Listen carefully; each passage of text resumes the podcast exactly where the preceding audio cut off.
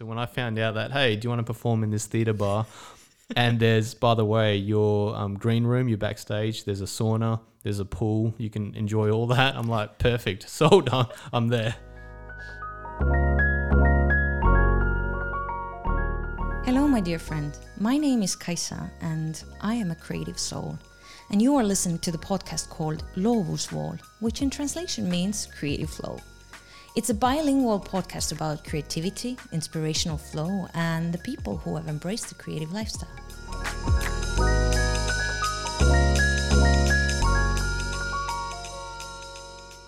All right, uh, today I've got a guest from far away who appeared in Estonia, to my knowledge, around two years ago from sunny Australia.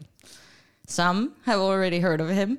Some have seen him on TikTok and on Instagram raving about Estonian beauty and our nature. And if that's gone under the radar for you, then he's even managed to swiggle his way um, onto a few local papers and national news feeds. Like a magic trick, you would say. but who is this mysterious guy that I've lured into my studio today? Well, if you haven't guessed it already, then today my podcast guest is the sunny and positive magician, Peter Pax. Hi, Peter. Well, thank you for that intro and thanks for having me here. It's an honor. You are warmly welcome. So, I don't know actually where to start with you because you are a mystery to me. I noticed you a couple of years ago. Now I can already say a couple of years, like two years ago, maybe on the on the almighty Facebook.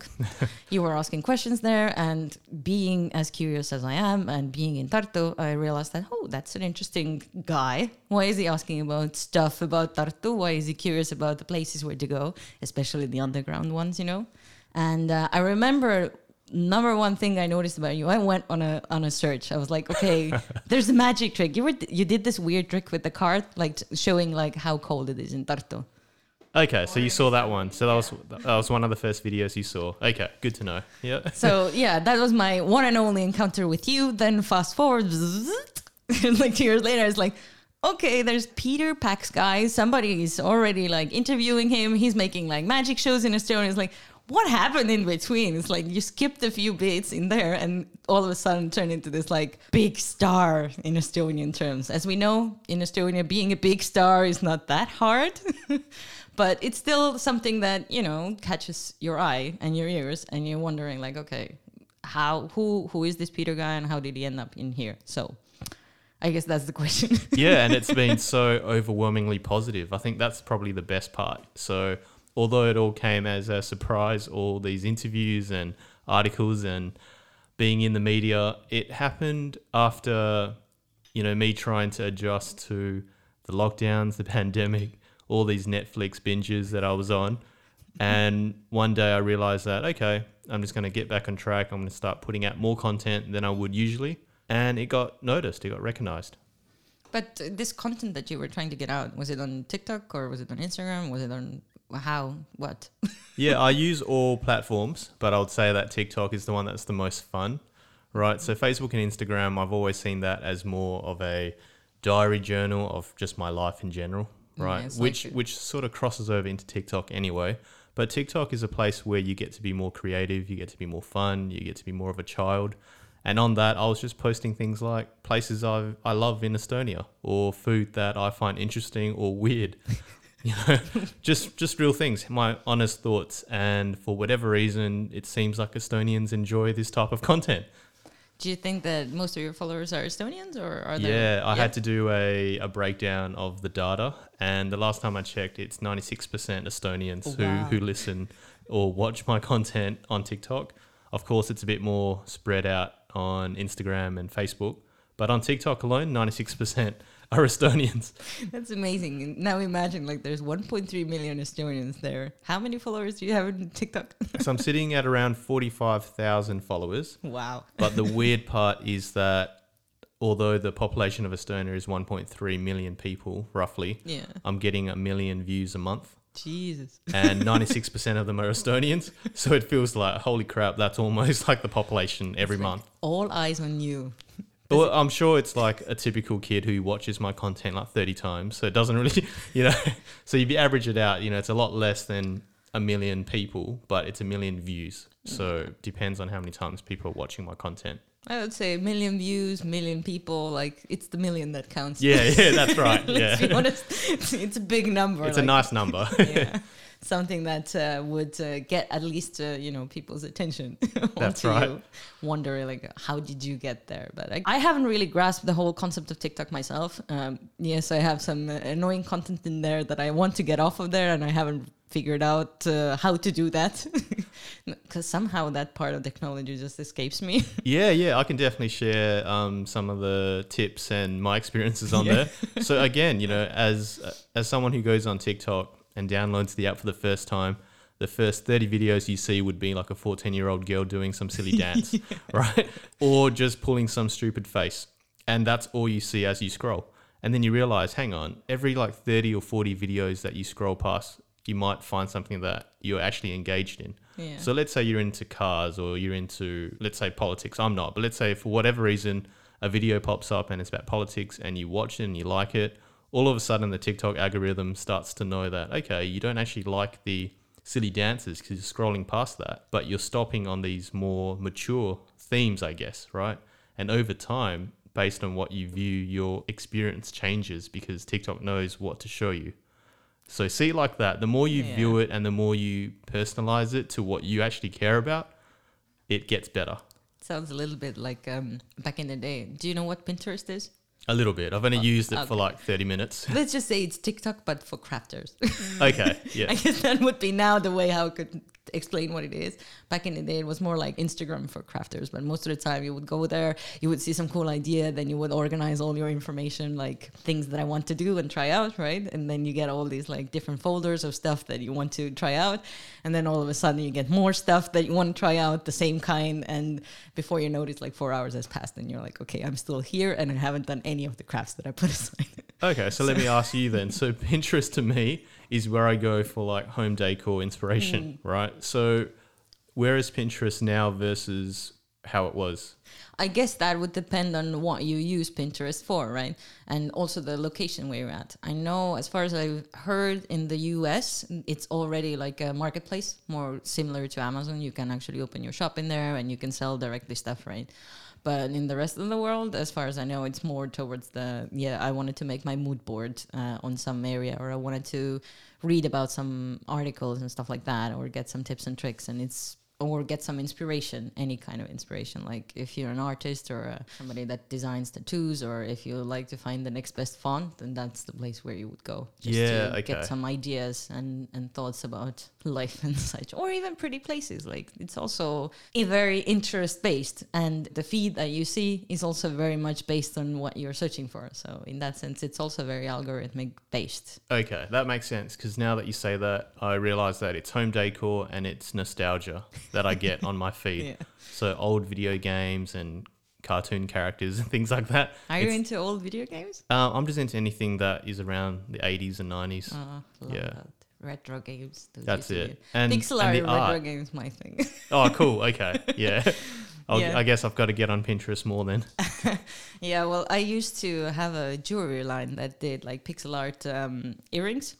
And that is like very much influenced by old computer games and you know all the stuff that you used to see in the 80s when you were still playing computer games, you know, back in the day when the graphics weren't as great as they are now. Maybe part of the reason why I can't play anymore those like new games is the fact that it looks so pretty that it's almost realistic and it's like that's not fun. I need to know that it's not real for, Yeah, that- to understand, you know. That's that's so true because I've got some friends who are very techie, Yeah. and the debate is always: is it about the graphics or is it about the fun? Yeah. Right? And of course, when you play video games, it's all about how immersive it is and how much fun you're actually having. So, Yeah. having said that, I don't think it's ever about how good the graphics are. Yeah. You have to ask yourself: Do you actually enjoy the game? But isn't it the same in life in general? Like it's even the same when you think about podcasts that you listen to, or radio shows, or TV shows that you see. It's the idea that counts, right?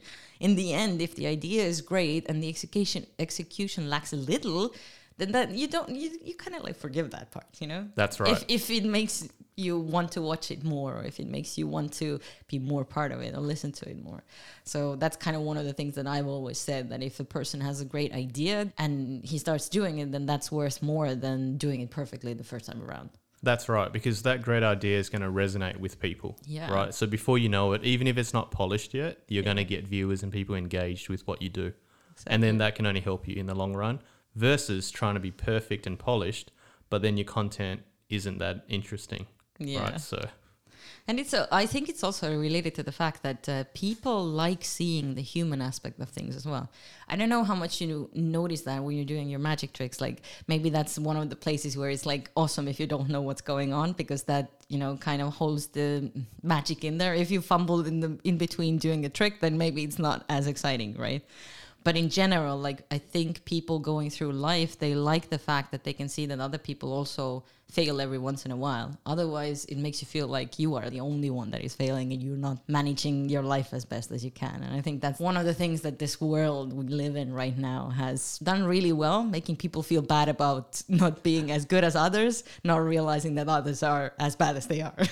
And that's probably one of the reasons why I love TikTok, right? So if you compare TikTok to Instagram, again, we're just generalizing here. If I go, Instagram is all about that perfect holiday photo, yeah right? so you might have these models who are posing on some tropical island and it looks amazing, that one photo. But then that same influencer, let's call them, they hop on TikTok and they make like a short 15 second video speaking. All of a sudden, you realize this is who they actually are because a video of yourself Yeah. expressing yourself is more you than a perfect photo, Yeah. right? So I feel that TikTok is actually more genuine if people are speaking about their daily life versus that perfect photo of you on holiday. Yeah, absolutely. I think I agree with that. I saw some documentary on Netflix as well. I can't remember if it was named Influence Me or whatever, something similar like that, but it was about influencers. they were trying to turn three totally random people into like, you know, multi-million influencers.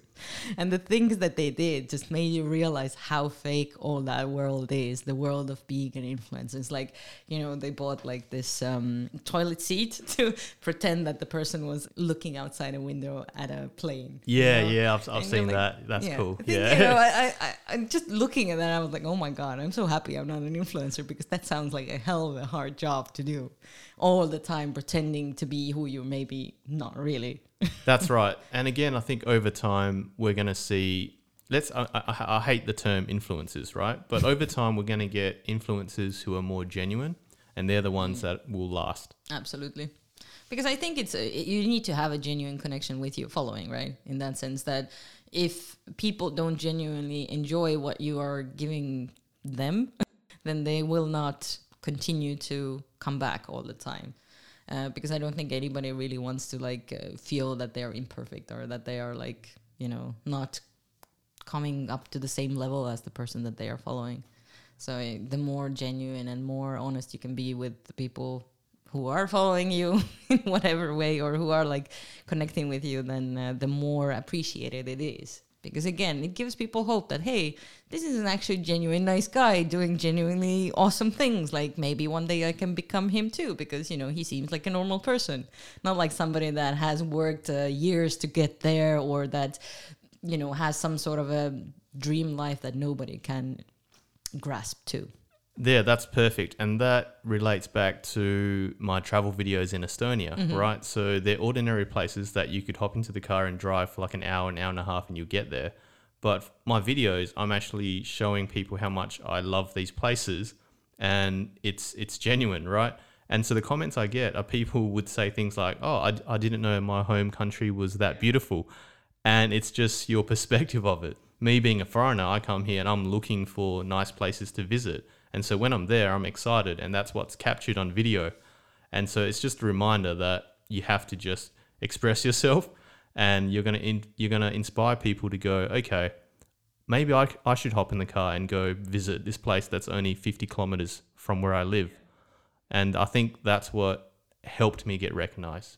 Just my positive response to Estonia. How do you feel about being this influencer of Estonian people going to the countryside, trying to get reintroduced to their own country? Well, the best part is I don't know if you um, saw on my recent posts, but Visit Estonia noticed me on TikTok and they reached out a couple months ago and asked if I'd like to do this for them. Go to go to cool random places, restaurants, hotels, bars, and document it. And I'm not a videographer or a photographer or anything like that. I just like to share my experiences. So when that opportunity came out, I was like, okay, whatever I'm doing, people are enjoying, And that whole stereotype that it's only kids on TikTok, well, that's completely wrong because you have the whole tourism board on there noticing content like mine, reaching out and saying, Would you like to work with us and create content? Although I started posting all these videos about Estonia a year ago, at the time I had no idea where it was going to go. I just knew I was having fun at the time. Now I look back and I go, okay, it was actually worth it. And the best part is I'm not needing to change myself and having to go, okay, how do I quickly become a videographer? How do I learn all Yeah. these editing skills and how do I take perfect photos? Because that's not what they're asking for. They're asking for my perspective of these trips and destinations. Yeah, your unique viewpoint, and actually to do continue doing the same thing that you've been doing the whole time. That's right. How many times in your life have you come across the same kind of situation where you start doing something without knowing if it's gonna get anywhere or if there's gonna be a big break in the end of it, whatever it is that you're doing, and then eventually looking back, you're like, oh, if I hadn't like then blindly went and take a leap of faith and started doing these things, then I wouldn't have been here. Yeah, so if I think about goal setting, right? People often talk about, well, what, how do I plan for the long term? If I want to become a movie star, if I want to be a musician, what are the steps I have to take to get there? And I think that's all great because we need these big dreams that motivate us and drive us. Yeah. However, in the moment, you have to be doing it because you love it anyway. So for me, if I go back to the TikTok videos of me traveling, I did that because I enjoyed it. I didn't do it going, okay, one day I'm going to be picked up by a tourism board to do it as a profession. I never thought that. I just knew that there, there is definitely opportunity. I wasn't blind by saying if I do this, um, I won't get noticed. I knew that from the positive feedback that if I keep doing this, of course, something positive will come out of it. I just didn't know what.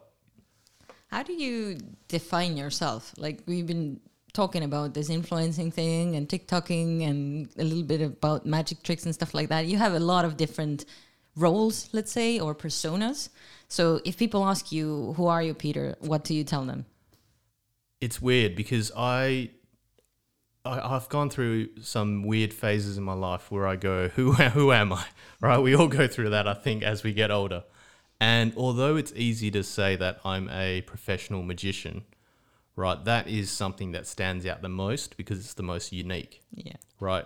But it's not like I'm performing magic nine to five every day, right? It's just something that I'm most excited about and is most interesting. If you take that away, then if you look at my daily life, okay, what am I doing? I'm looking at the next road trip that I want to go on. Um, what experiences do I want? Okay, the, the seasons are changing. Maybe I feel like I need a, um, a summer vacation or somewhere on the beach or something different. And maybe I need to escape the crowds for a few weeks. Or maybe I need to think about that place where I can just hide away in a cottage for a month and just write and just think. And it really depends on how I'm feeling. But all these, I guess, experiences, it it makes me realize that I'm just a regular person going, what do I feel like doing today? What do I feel like doing next month? And where am I going to be in a year's time? Um, and so you strip that all away. I'm just a person who's curious about the world. I love that. Person that is curious. I think that's the, the question of like, if people ask you, who are you? They instantly fall into the trap of saying what they do, right? So it's not often that you come across people who are express themselves the way how you just did that hey i'm just a curious person that you know is planning things every day that's my that's my thing or um, or somebody that is like i am a creative person like every day i do something that is creative that's it i, I kind of find uh, the fact that people expect even you to put yourself in a box very conflicting where it's like okay i tell you that what i do and then what we, where's the conversation going to go That's it. you might be curious about it, but then you might not be curious about it, and that's it. It could go either way, but it's gonna end one way or another. and that's about it. Like, how will I find out more about you as a person rather than you as your job? And you've hit the spot there because when I look at magic, right, if I look at performing magic, the tricks are just one small part of a show. The rest of it is me sharing my life experiences. And in order to talk about your life experiences, you need to go out there and actually have experiences, right? So that's actually more important than the tricks alone. If I was to lock myself away for 10 years and just sat in my study and just try to invent magic tricks. That'll be great. I'm sure I'll, I'll invent something, but that's still just a trick. I need to go out there and meet people and experience different cultures and everything in order to write a story that I can share that then resonates with more people. Because I can't come back out of hiding um, after 10 years and just present 10 tricks that I've come up with. That, that itself is meaningless. Yeah. And so it's a weird thing. You have to find that balance. And it doesn't matter what your art is, right? If you're a musician or a painter, I think you need to draw inspiration from life. And so you have to go out there and experience life in order to then express that feeling. How do you feel about this uh, vision that people have about uh, artistic people being hid in the clouds and like, you know, totally melancholic, usually like very emo, running around, hiding away from the world? Like, uh, is that you? Or Uh, I would say that goes back to society's expectations of our identity and our job and our career, right? So if you're in a nine to five, let's say hypothetically you work in a, as an example, a video game store. That's Yeah. your nine to five because you like video games. But the moment you clock off at five or six, you go home and you draw comics. I would say that person is um, they've picked the job as you know working in a video game store because it might be an interest um, for them to them and when they get home and when they feel most alive through drawing comics that's more of who, who they are as a person it's just that maybe in that point in time for them drawing comics isn't paying their bills and so I hate the fact that we have to, you know, often you go to a, um, a party and if you don't know anyone, one of the first few questions you ask is, what do you do for a living? And that's usually your nine to five job, right? But that never talks about what you're purely passionate about outside of that. Absolutely. I um, when people ask me usually what I do, I, I tell them I'm a creative entrepreneur because I like the fact that it doesn't actually say anything except for the fact that I might have a business and I might do something that is creative. And it allows me to put like a couple of different hats on top of my head. It's like maybe today I will sing. That's my job today. Maybe tomorrow I will illustrate something. Maybe day after that I will organize an art exhibition you never know. I might come up with a podcast, right? So it's creative and it has some element of entrepreneurship in it, but it doesn't actually put me in this um, anguishing box. One thing that people would like easily be able to recognize and put in their brain. It's like, okay, Kaisa, she's the artist, right? It's like that's all that she is. Other than that, now they are like, okay, she's a creative entrepreneur. I want to know. I'm curious about what else does she do? Like, what does it actually mean? So if I ask you, or or if I hear about you, and they tell me that you are a magician, then I think the job title magician already has that also built in because you never really know like what a magician does or how they do it. So it has this element of uh, mystery inside of it. Um, but you said as well that you don't want to just uh, define yourself through magic or through doing magic tricks. Why is it that you are a little bit afraid of, um, how should I put it, afraid of defining yourself as only magician, knowing that actually being a magician could like interpret a lot of different things? Because I feel that when I create a show, the magic is just telling a story. I use magic to express my life experiences and to convey uh, my story, right? And so whenever I create a show, it starts with the story that I want to tell. And then I think about what tricks I can create to tell that story. Okay. So the tricks, although everyone thinks that it's always about the tricks and it's al- always about the trickery and the methods behind it, that's such a small aspect of putting together a show. And I think I just need to keep reminding people that no, go out there and, and think about what you actually want to express to people in general. Mm-hmm. What are your interests? What are your the, the ups and downs and the hurdles that you've gone through? That's more relatable and that's more meaningful. And then you can express that through your art form. So, I mean, if you look at musicians, right, you, you think about the musician's life and what they've gone through, and then you, you feel that through their lyrics and through their music. You never just look at the song and go, hey, that's a great song. There's usually more to it. You, think about their life and what, what um, got them to write that song. I would say that's very dependent of the people as well that are actually um, experiencing that part of the culture. Because I've come across, you know, it's, it's, okay, let's a few examples. There are some people that don't care at all about musical lyrics, right? They're just, I'm listening, it's a good song, it makes me feel good, right? They don't really care about what the artist is trying to say. They care more about how it makes them feel, right? Mm, another example, like if you go to an art exhibition, like people don't actually care what the artist is trying to say. They try to guess what they're saying, but their actual experience is what they see in it, right? Yeah, So yeah. it's it's also like about what is being said versus how you see it. So I think uh, in that sense as well, if you say that you want to be a storyteller through magic um, tricks or magic shows, then the people who are expressing it or or experiencing it, they come there not necessarily for the story, they come for the tricks, but they stay for the story. That's right. Yeah. So that it's almost like, I mean, that's the intent, right? And I know that if I'm honest about it, not everyone who goes to a magic show is going there for a story. They're going going there for the tricks. You you talk to your friends. You go, hey, let's go check out this magic show. It's on this Friday night. It sounds cool. Let's check it out. You walk into that theater expecting tricks. For me personally, I hope that they then walk out going, yeah, we saw some amazing tricks, but it's more the messages and the stories that inspired me. And when you go back and you talk about art, I'll say art, like paintings and that, that's probably the trickiest to break down because I bet you nine times out of 10, our interpretation of that piece of art is not what the artist was thinking at the time. Right. So you're right. You're right in that sense.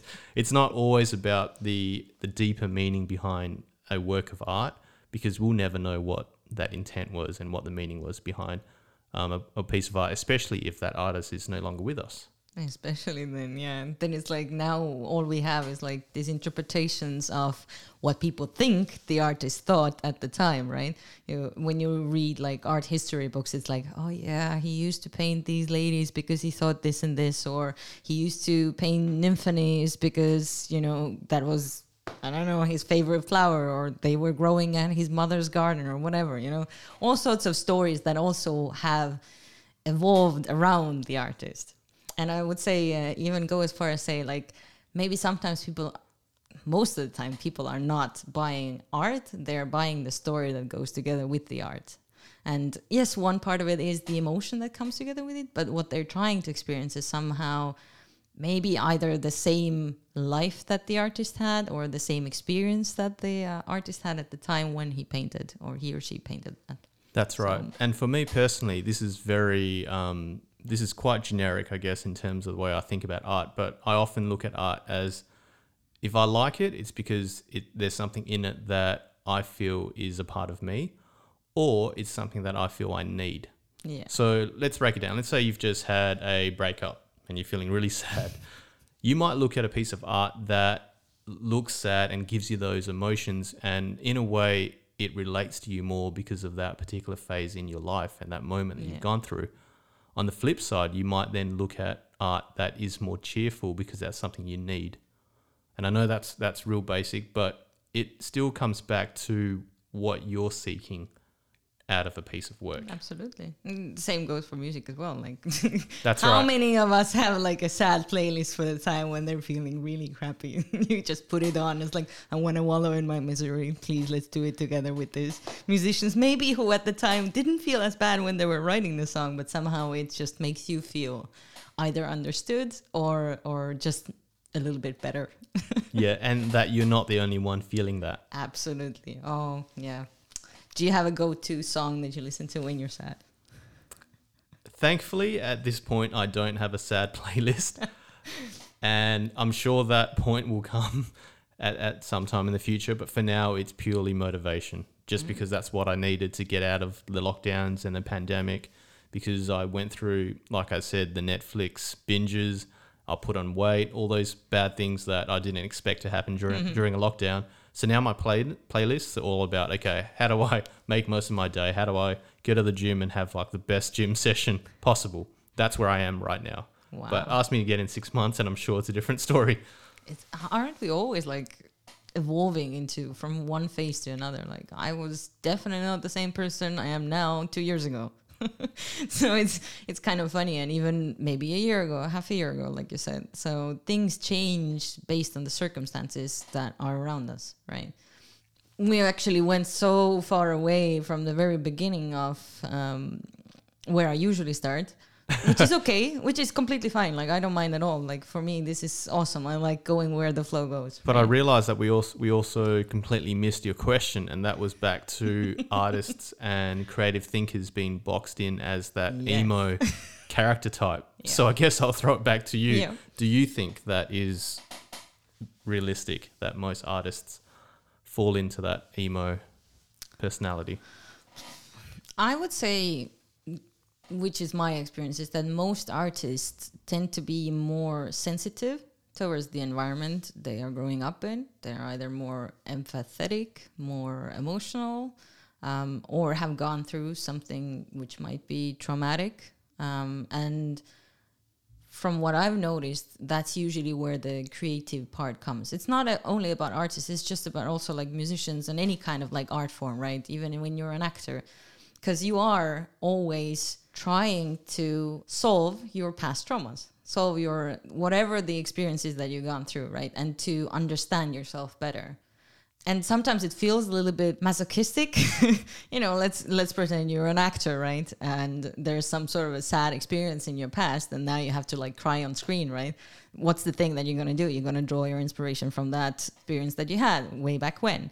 But at the same time doing that it's very therapeutic because you constantly go through the same thing until you can no more. So what worked maybe a few years ago for you on screen doesn't work anymore. Fast forward a couple of years from there because you have to change it up a little bit. At some point, your brain is going to solve the problem that happened a long time ago. And I think it's the same thing with art and musicians as well. As a as a singer myself, I remember like uh, writing songs when I was really sad, and then having to perform them three years later, not feeling anything remotely to the feeling that I had when I wrote it. So, in order to get into the same groove of uh, performing the song with the same emotional depth, you needed to come up with another trick, like in your brain, like how to get into the same mindset. And same with art as well. Like, art is constantly evolving. So, I think artists are constantly trying to solve themselves through creativity. You're spot on because now that you say that, I guess it's a good time to share that the fact that I continued with magic as a kid was because I was super shy, nervous, and was an overthinker, right? Very introverted. And magic allowed me to put on a almost a, a, a fake shell, a fake personality that I could express through the magic Yeah. because that's what I did. I couldn't have a conversation with someone. I couldn't look at people in the eye. Really? And often when I spoke, I would just look at the floor. And my mum would always say, okay, here's the funny thing. When my mom would introduce me to her friends or their friends' kids or, or whatnot, she would say, hey, this is Pete. This is my son. Um, he's really quiet. He's really shy. So be careful around him. And it almost already set up the, the situation that people then had to react to that statement that my mum had made. yeah. And so that was how I was introduced to people. And I admit that I was already shy and introverted to begin with. But then when you're introduced as that person who is shy and introverted and that people need to be careful around me, it just closed me off completely, right? And so when I realized that by doing like a card trick, all of a sudden I was confident to share like something that looked like a superpower. People responded positively, and I got to be someone that I wasn't through magic. Yeah. And as I kept going, of course, you mature and you progress and you evolve as a magician. I'm at that point now where magic is just a skill set I have, but now it's all about my life and my life experiences. But it was definitely the trauma of being an introvert that pushed me to go, I need to learn something that is a little cooler, that makes me feel like I'm more than just a shy, introverted kid. Wow, that's actually a quite quite a statement. Yeah. no, I mean like yeah, it's like I can imagine if somebody presents you like, "Hey, here's this very fragile like Christmas bubble. Please don't drop it." Then that's exactly how people are gonna start to treat you, right? They're gonna approach you with the same kind of approach. It's like, okay, maybe we'll just let him be a little bit. let That's it. So, I mean, I don't blame my mom because I'm sure half of it was right and she was just being a protective mom. yeah, absolutely. But that's what I went through. And I mm. guess it makes sense as to why I needed an outlet to express myself in another way. how old were you then? Um, I would say this was around seven or eight. Okay. Um, and I learnt my first trick from my dad when I was six. Right. So my dad's not a magician. He just had one trick that he knew and he shared it with me. And it, ex- you know, I was really passionate about magic from that day. But I realized that as I continued with magic, it was that confidence that I got from from that art form. that allowed me to, to then communicate with people. Um, did you always know you wanted to be a magician? I did only because of David Copperfield. So being a kid, you know, I watched him on TV and he was doing the impossible. And you look at how much, you know, confidence and charisma David Copperfield has on stage, and that was the complete opposite of who I was. So there was something that I saw in him that I needed for myself. And so magic gave me a, a the, the feeling that I was doing something that was similar to an to a person that I idolized. And what what do your parents do? Or My what did parents- they used to do? yeah, I mean, my to give you the full story there, they were Vietnamese refugees who left Vietnam after the war. So they didn't know each other in Vietnam. okay. They both left on a woody, leaky riverboat each, two separate journeys. Um, and to give you, I guess, the background of what my mum went through, she was on this boat with 39 other passengers, and they were stranded for like days and nights at sea. The engine was broken. My mum looks out and she sees a cyclone approaching. And she recalls, like, in that moment, just looking out, feeling lost in the middle of the ocean, going, okay, what next? Thankfully, though, a US cargo ship spotted them and came to rescue my mum. And my dad had a similar journey at sea, but on his journey with his brother, they were attacked by pirates um, twice. And so they took everything that they had. And so my dad was, was left with just the clothes on his back. And so they both got to Australia eventually, met up, and then because they couldn't speak English, they had to just start their own business. So I recall that my dad at the time was fixing televisions because that's the only thing he could do. Mm-hmm. My mum set up a little corner shop. I guess what's the equivalent, like a mini mart, Yeah, like a 7-Eleven type like a of thing. 7 Eleven, but really small Yeah. because you, you don't need good English for that. It's just basic. You're just saying the price and giving the change, right? And that's what they did. And it was out of necessity. It's because it's their way of trying to settle into a new country. Now that I look back, they then had, you know, it's been what, 20 to 30 years of that for them. I look at that and go, okay, but now they're doing better than if they just got a regular nine to five job because they have the freedom now because it's their own business. Although it's not a massive business, it's still something that they built. And I find that that's so much more meaningful. But I always tell myself that they only did that out of necessity because they couldn't get a job. So that's that's what my parents do. Wow. so it's- it's funny that somebody with that background, with such a family. Do you have any siblings as well? I do. I- Well, I'm, I'm the eldest, so Ah. I've got a younger sister and a younger brother. Ah, okay. How does it feel to be a big brother? I guess, well, that's probably part of the reason why my mom, you know, me being the first child in the family was, Yeah. was so protective, you know, and I had, like, like everyone who's the eldest, I had the, the hardest childhood because I had to, my parents, you know, that's their first time as being parents. So they were the most strict on me. And as Asian parents, it's, you know, probably 10 times more strict than European parents. So I had it pretty rough as a kid. And I look at my younger brother and he's got it the easiest because by the third child, it's like, cool, he, he's, he's going to be fine. Yeah, I can relate. I'm I'm not the first child. I'm the middle one. I'm Oh, like okay. the one that is like pick me, pick me, like in between. Like nobody gives attention yeah, to the one that's forgotten.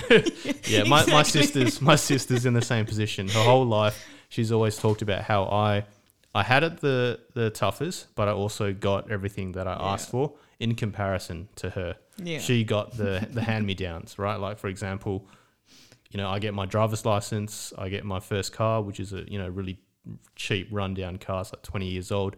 But then, of course, it gets passed on to her, right? So by that time, she's got a 23 year old car.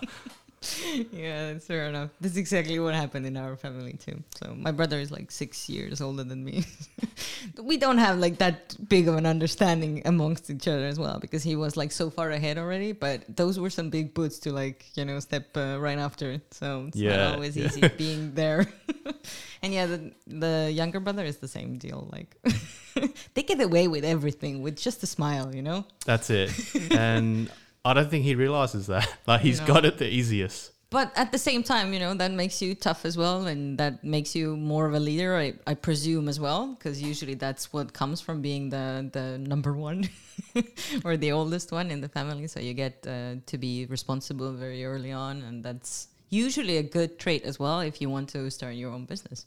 That's right. And I think because I was always more responsible, you know, for my siblings and for the family, when I got older, I realized that because that was my focus for so long, I then also needed a break for myself. Absolutely. And that probably motivated me to pursue magic and to see the world and do more things that was for me because I think that's equally important. You can always look out for your family and your friends and your close loved ones, but if you don't give yourself time for yourself, I, th- I think that's if you can't look after yourself, you won't be able to look after your family in the long run.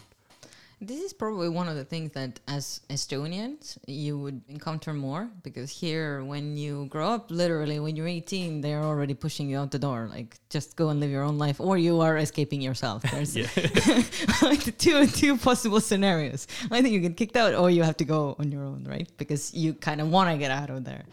Which I noticed that in other countries, it's not so normal or not so obvious of a thing to happen when a person graduates from school. Not at all. I mean, my parents would say, "No, stay with us. We'll feed you. We'll look after you as long as you become a doctor or an engineer." That Yeah. was their, you know, their bargaining tactic.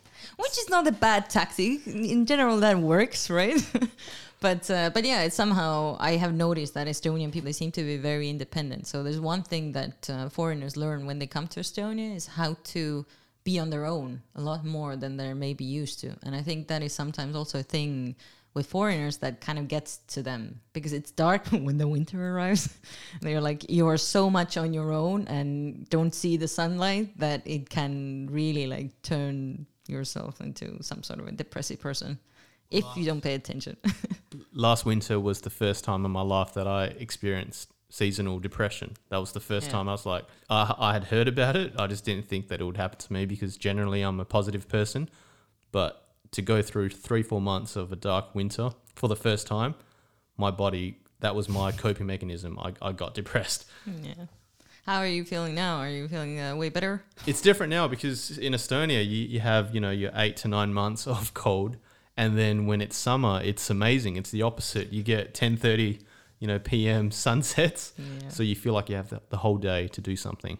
Honest to god i think that estonians are the one nation on earth that lives for their summers and endures their nine months of whatever is coming so that they can get their three months of sunshine Yeah, yeah. But I also realized though that it's a good thing because now I can actually talk about my life in seasons and what I look forward to mm-hmm. and what I did last season.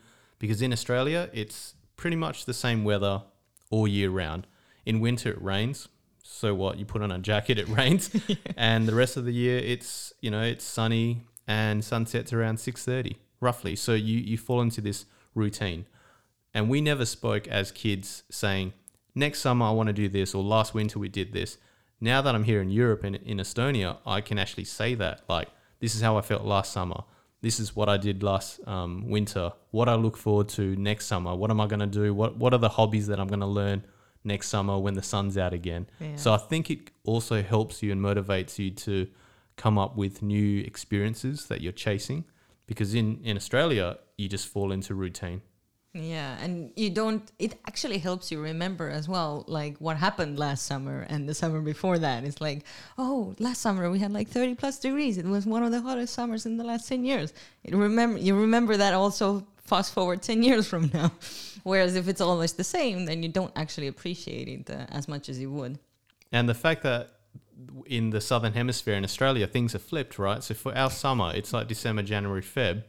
You get Christmas, right? And it's it's hot. So first of all, it doesn't even look like Christmas because from all the movies that you watch as a kid, you expect it to be a white Christmas. So we get a sunny Christmas and you're having a barbecue in the backyard. And then you have New Year's, which then completely affects you because now you think, okay, New Year's Eve, New Year's is a whole new year. By the time you get into January, Feb, summer's almost over. So I feel like for me, summer in Australia or the southern hemisphere is broken. Mm-hmm. Whereas in Europe and or the northern hemisphere, you get to say, "Hey, summer is here," and you get that full three months to experience it wholly. Yeah. Mm, you talked about your parents having to work so hard to actually get a break in Australia and to put a roof over your head and become something or somebody in that environment. So, how did they take your news about you wanting to become a magician? Disappointed, of course. Great. So, you know, my whole life being the first um, child, they kept saying that this is what we're going to do for you. When you get to 18, we hope that you pursue a professional career in uni. We're, we're going to do everything we can to support you during that. The fact that I got out of uni, I ended up doing, um, I went through a whole series of um, different bachelors. So I went from IT, a year of IT, because that was what I thought I enjoyed at the time. I realized that programming is a lot harder or just not suited to me. I then changed into health um, inform- information management, which is working in hospitals and dealing with databases and all that. Realized that was the biggest mistake because that's further from who I am. Ended up doing commerce in management marketing because I felt at the time that that was the most universal. So, despite what my hobbies and interests um, were or are, at least management and marketing can help you, I guess, sell that because I see it all as a product. If I if I perform a magic show, it's a product. You're buying a ticket to the show, so I need some management marketing skills to to do that. So I did that, and then of course tried to pursue a career in management marketing. The point where I said I'm going to now become a magician, that was when it almost felt like the biggest disappointment for my parents because not only was I not a, a doctor or an engineer or a lawyer to begin with, but now I'm giving up all my all my studies and everything I learnt in university to pursue the arts. But is the the concept of arts in uh, Vietnamese culture and Australian culture is it something that is also frowned upon? Is it something that people are like like artists they always starve, you know? yeah, I think that's quite universal, and especially in Asian cultures. In Asian cultures, because we're considered poorer in a lot of places, our parents expect us to pursue a career that seems more professional on paper, whereas art is considered purely a hobby. What my parents and a lot of parents don't realize is we're now in the in modern times now technology allows us to pursue these hobbies and find a way to monetize it or Yeah. find a revenue stream from doing the things that we love it's a different world now that we're living in Yeah, although I have to say, as an artist, still feels kind of like we're starving. no, I'm kidding. I'm yeah kidding. but, starving but with more options exactly. yeah, yeah. I have a roof over my head, so Yeah. I'm not completely out of the door. So it's good. I, um, you know, I don't need to go under a tree. so that's okay. There's always a way how to go about it. Myself, I went to the university to study architecture because maths and arts and boom, this is the magical career, right? Because my parents said the same thing. It's like art, you you won't make money with art. Like, forget about that thing, right? So I went into my brain. I was like, okay, I know maths a little bit. I know arts. This is cool. You know, architects they're always needed, and it's like a very good job opportunity. But little did I know that like after the first year of getting all the like the what they call like compulsory um, subjects where you get to be very artsy, you know, painting and drawing and stuff like that, shit got real. Like then you get like construction calculus and physics and all sorts of other engineering stuff that I was like, okay, my brain is not made for this. So I kind of realized that the same way, like you did, like one and a Just in- half in years, reverse. and nope, nope, nope, not for me, not for me. then I went to study graphic design, and then that kind of got derailed because of the work I was doing at the same time. And then uh, in the end, like in my 30s, I actually went to trade school and I graduated as a graphic designer. But by that time, I had already worked as a graphic designer for 10 years. So it was more like checkbox, you know, getting just a piece of paper so that I can feel like, hey, I have something to show to people if they really care about it. That's right. And the main part there is that you already built up the experience anyway. It was Yeah. more just that final tick Absolutely. for your identity, I guess. yeah and, and it's funny like throughout this whole process from starting from the university i think one of the biggest disappointments for me was the fact that i felt like it's not relating to uh, the reality of life like what you're studying there is very theoretical and the time that it takes for you to like grasp all the theoretical stuff you could actually learn on the job more than in school you know reading it in the book. So i'm like an avid uh, supporter of learning by doing. Like these days literally you don't need to go to the university to learn something new. Just open up youtube or skillshare or any other app and you already got the knowledge and you can get yourself a mentor and study on your own. Have a life school just with a computer and internet you already have the whole world in front of you. But at the time also in estonian because estonian people are very education oriented because our grandparents were the first ones or like my grandparents were the first ones that actually got like an higher education in estonia then it was very important for them that you know all their kids and grandkids also get highly educated. So now we're in a situation where every third estonian has a like a big degree right? So your next door janitor might also be a highly educated janitor but what's that got to do with like how real life works in the end? Yeah, and I guess because our parents and grandparents went through those hard struggles, right, in Yeah. comparison to us, they feel that if they had to go through all of that, then the opportunity that we have now, we should make the most of it. Yeah. And through through their eyes, it's becoming a doctor, a lawyer, etc. We've done all the hard work to get to Australia. We've done all the hard work to give you a decent childhood and upbringing. In exchange, we hope that that now gives you that path to pick up a profession that we approve of. so are, have they approved your professional choices now N- now they do. It took you know at least four or five years for them to finally accept it. I think that's just natural as parents anyway. At, at some point, you have to support your kids regardless of their choices. But I also had to prove to them that it's something that is worth pursuing, and also that the worst case is there's nothing wrong with trying this and then going back to another job or another profession anyway. I think we we sometimes lose focus and think that we have to pick that one passion, that one that one career path and do it until you retire. Absolutely, because that's the way how they were grown, right? So, like, I always have this conversation, or have had this conversation with my parents as well, because I grew up uh, loving both music and art, and then I had like this constant. One year, music one, like I went to all the piano lessons, and I was very great at that, and then I was like, oh no, but I want to go to the art school, and then I went to the art school, and then I tried to do all at the same time, and then at some point they were like, oh no, now you have to pick, like, because every school is important, and everybody wants, you know their choice to be number one. And eventually i found myself going through the first 20 years of my life doing exactly the same thing like always juggling between art and music art and music art and music. And in the end i realized that fuck i don't have to choose. I can do both of them at the same time. It's not just that you pick one and then you lose the other one. And and i think the underlying thing for me personally was creativity.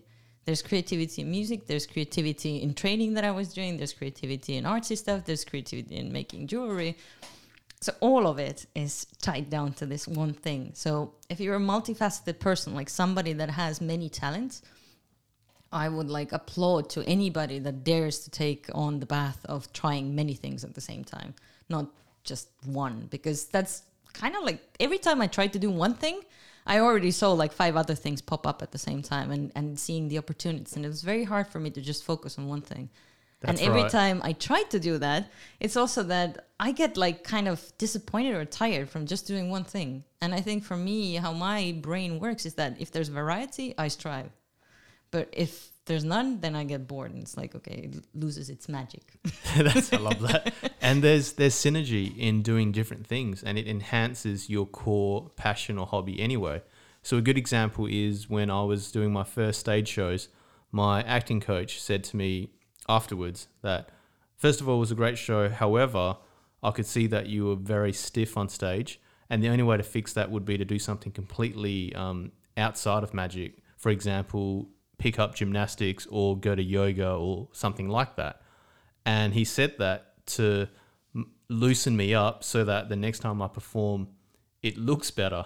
But doing yoga's got nothing to do with magic, right?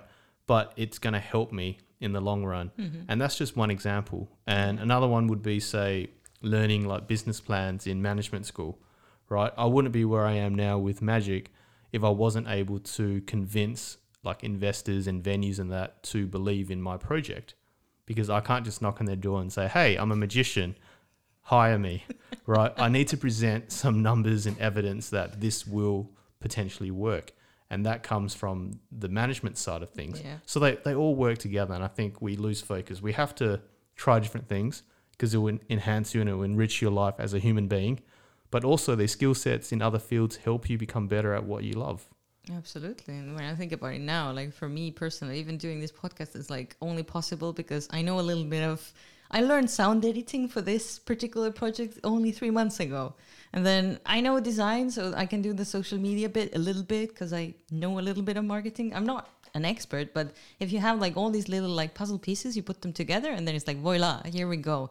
I am a one woman show. I don't need like five different people to do the same thing. I don't need to buy in the knowledge and that's only because I've tried out different things along the way, right? And um, even like having a conversation with a person, you don't get to that kind of a skill level unless you have like charisma plus three, you know, when you grew up. But generally, you don't. then you don't get to that point unless you have experience uh, in also talking to other people or training them or just customer service and whatever. Yeah. So I see like everything that I've done in the past actually bringing me to this moment. So coming from that as well, I I don't know how much you know about me, but I used to have a huge stage fright. So the the fact that I ended up on stage doing music and being a singer in a rock band and having an album and like huge concerts, that's that's magic to me. like this is like a miracle, not that I did not think would happen. Because I also had like traumatic experience uh, at a like a singing competition. Everything went wrong. I constantly like when I mm, freeze up, I forget the lyrics, and that's a very embarrassing thing to happen if you're trying to sing a song and you can't remember the words, right?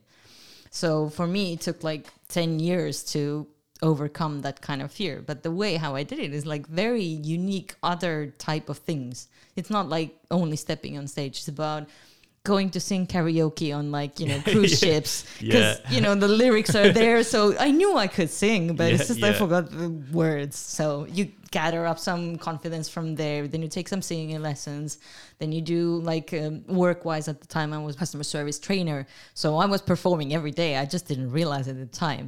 And then you have to like give a performance or a show every day. If you do that long enough then your confidence grows as well. And eventually you get there. And of course it didn't like harm that i have figured out finally that nobody actually listens to the lyrics so i can always come up with my own version of whatever my song is supposed to be. So you learn to improvise on the go as well.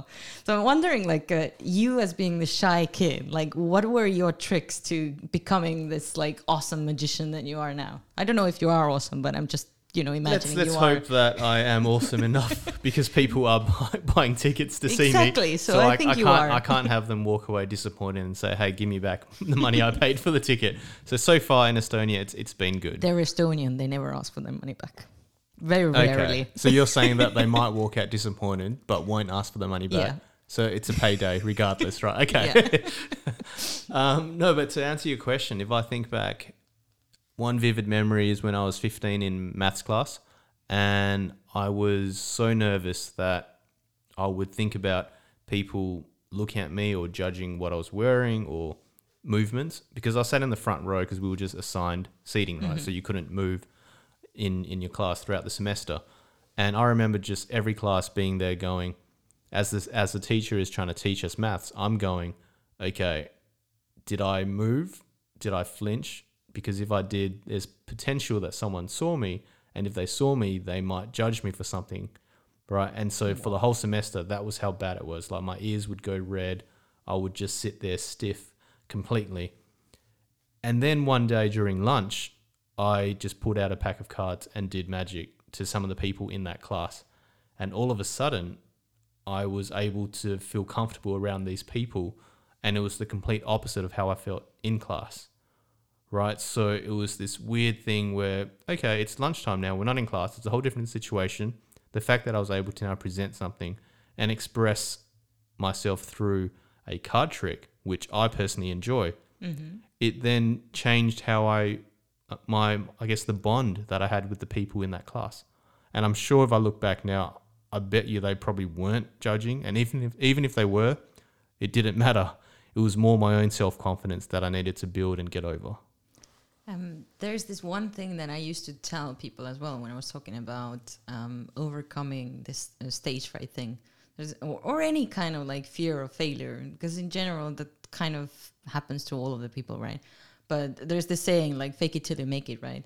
So in a lot of cases, when I look back, I think the moments that have been most pivotal are the places where I've faked being confident, knowing full well that I'm not, right? But the rest of the world didn't see it at that point. And I think that's one of the keys. It's like you put on this mask of I am this person Yeah. that is doing this thing. It's like kind of like even outer bodily experience in a way.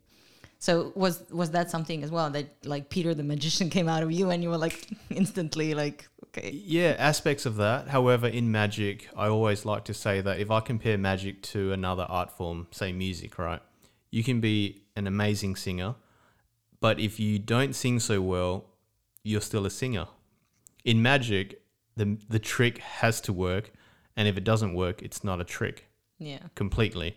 And so it's a little different in the sense that magic we have to rehearse and practice until it's perfect. So in a way you can't fake it for a trick anyway. yeah However, when it comes to your stage presence and how you how you act on stage and remembering your lines and all that, that I think comes with practice in looking calm.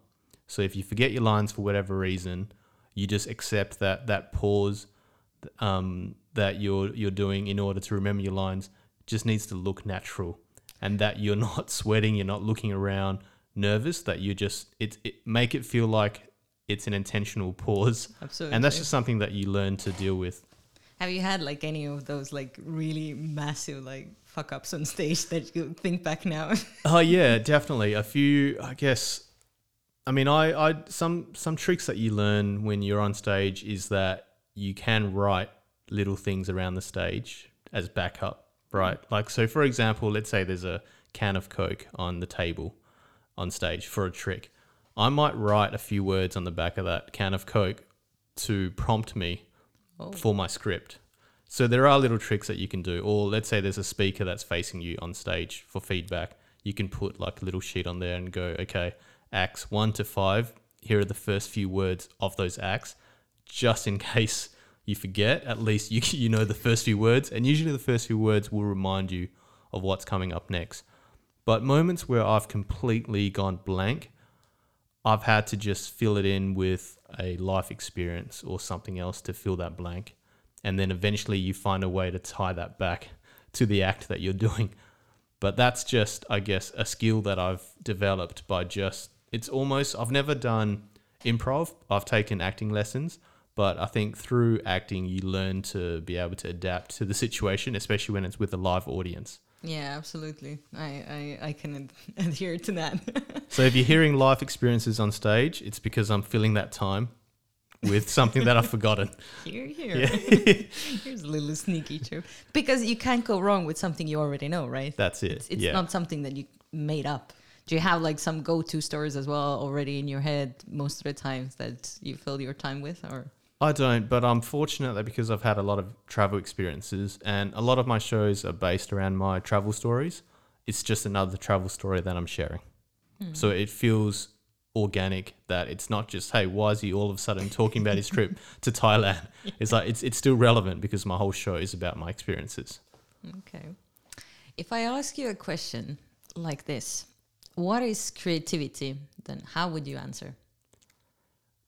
For me personally, and this I don't know if this applies to everyone, but creativity comes from you being the most honest child version of you.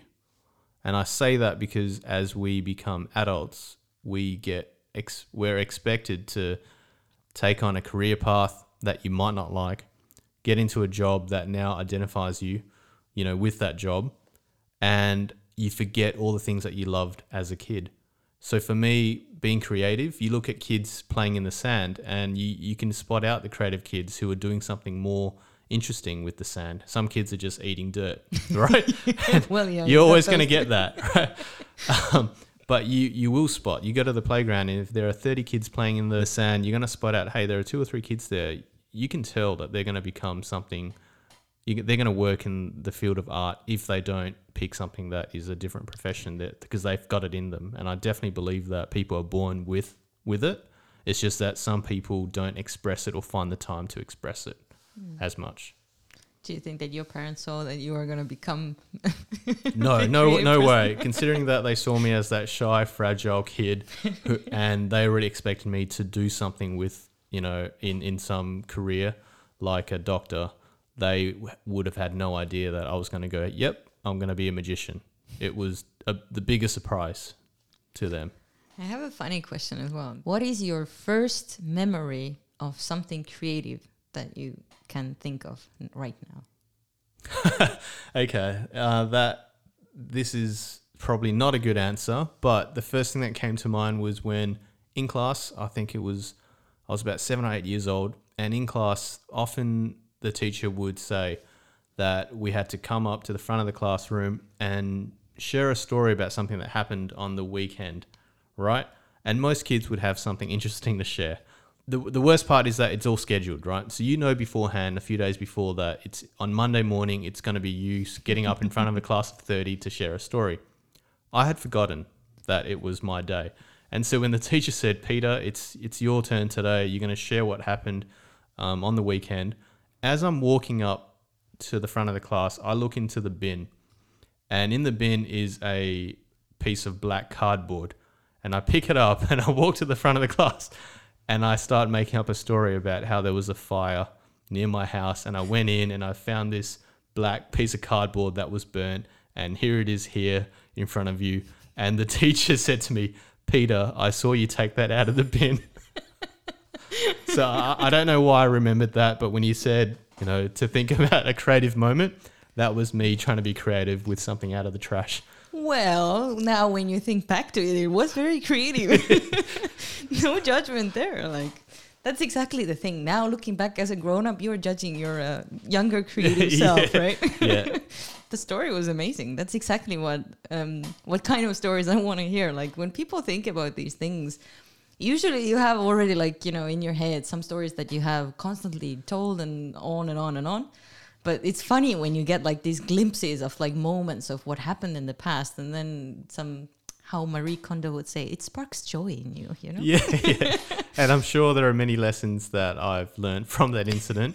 Even if I wasn't thinking about it, I'm sure that Yeah, like better I- performance and maybe not picking up the trash in first front of all, people. don't don't lie, right? So lying's not a good thing.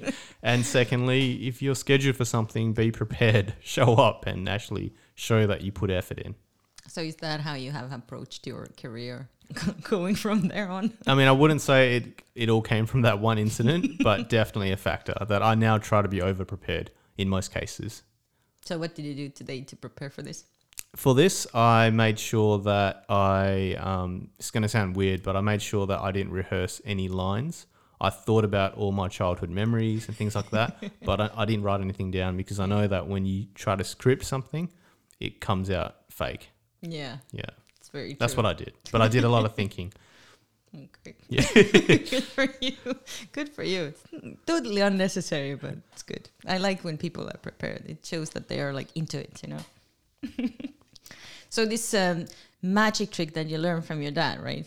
Um, that's just one trick. How many tricks do you know now?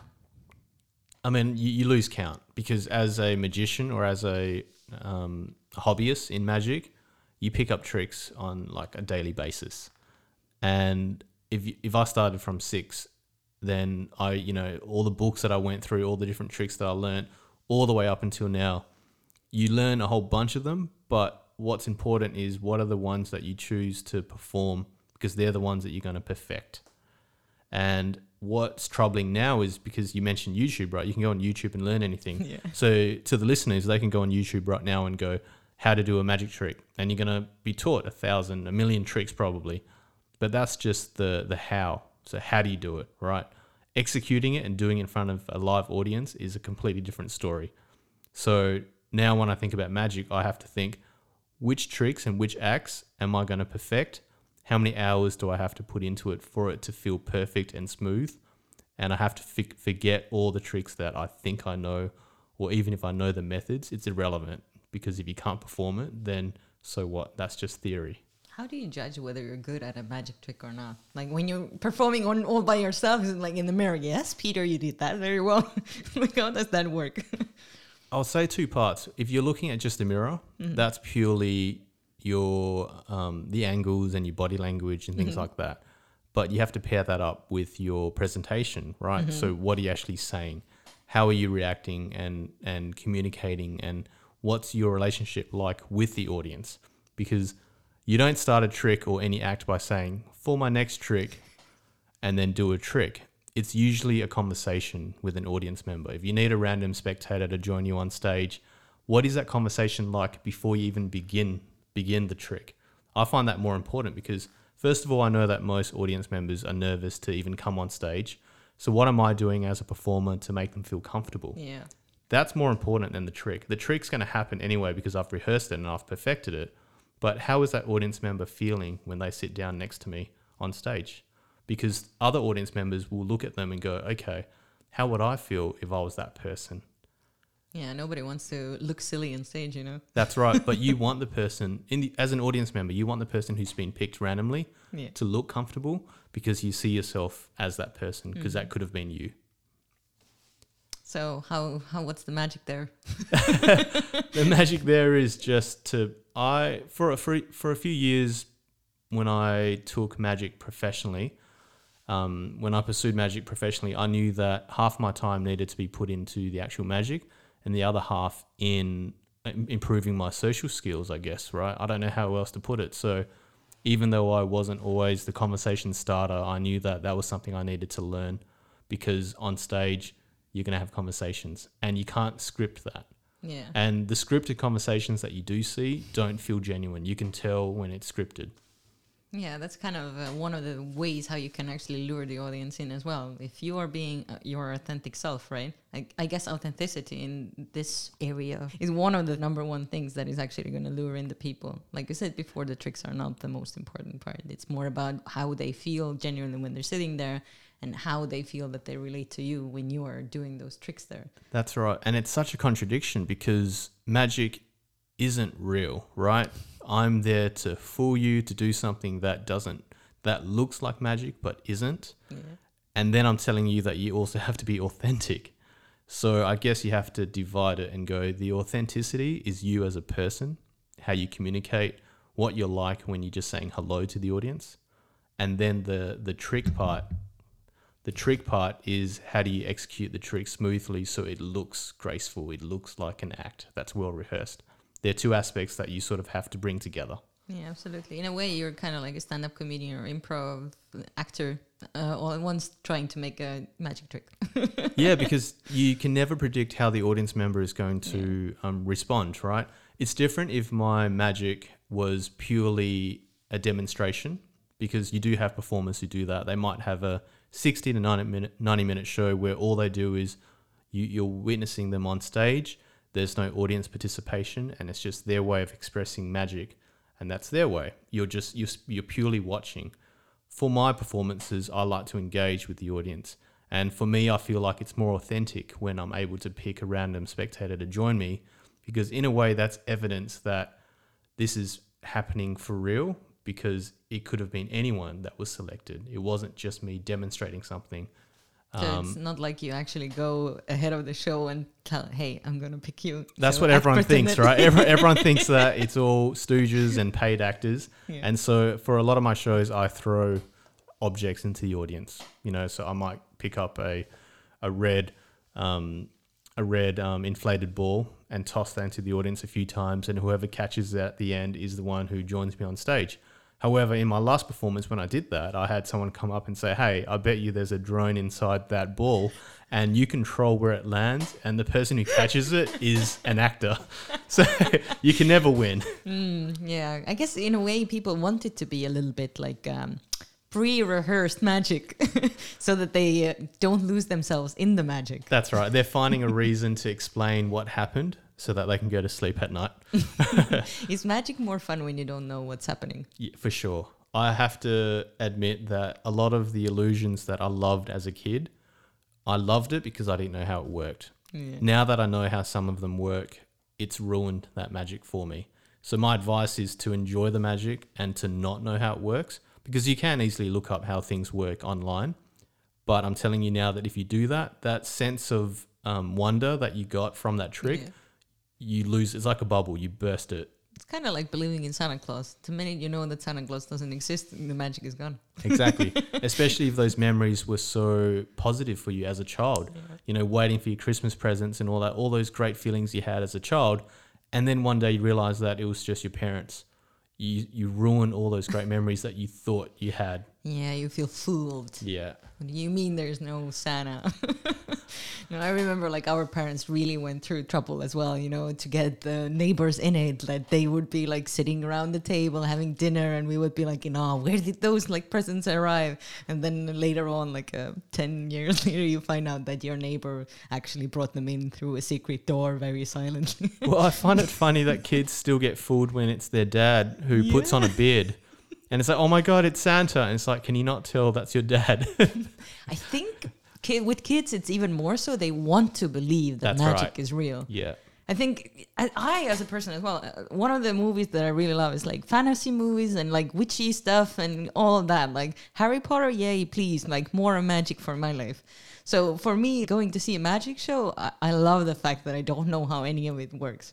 It, it kind of adds this layer of like there's something out there that I am not aware of, and it's making my life so much more fun. And I think that applies to everything. I think you're not supposed to know all the answers to life, right? If you knew if you knew everything, life would be so boring. Yeah. What's what's there to discover? That's right. What's there to be curious about? What are you curious about these days? These days it's more around I guess because I love travel, it's all about how cultures differ. And especially because I've been in Estonia and that the international borders are closed in Australia, that I can't go home, right? So even if I wanted to go home, I'm my home now is is Estonia, and I have to then f- ask myself, okay, how do I settle into Estonia? How are the people different here? How do I have to act and um, behave in order to have the greatest experience while I'm here? How do you find Estonians as a society?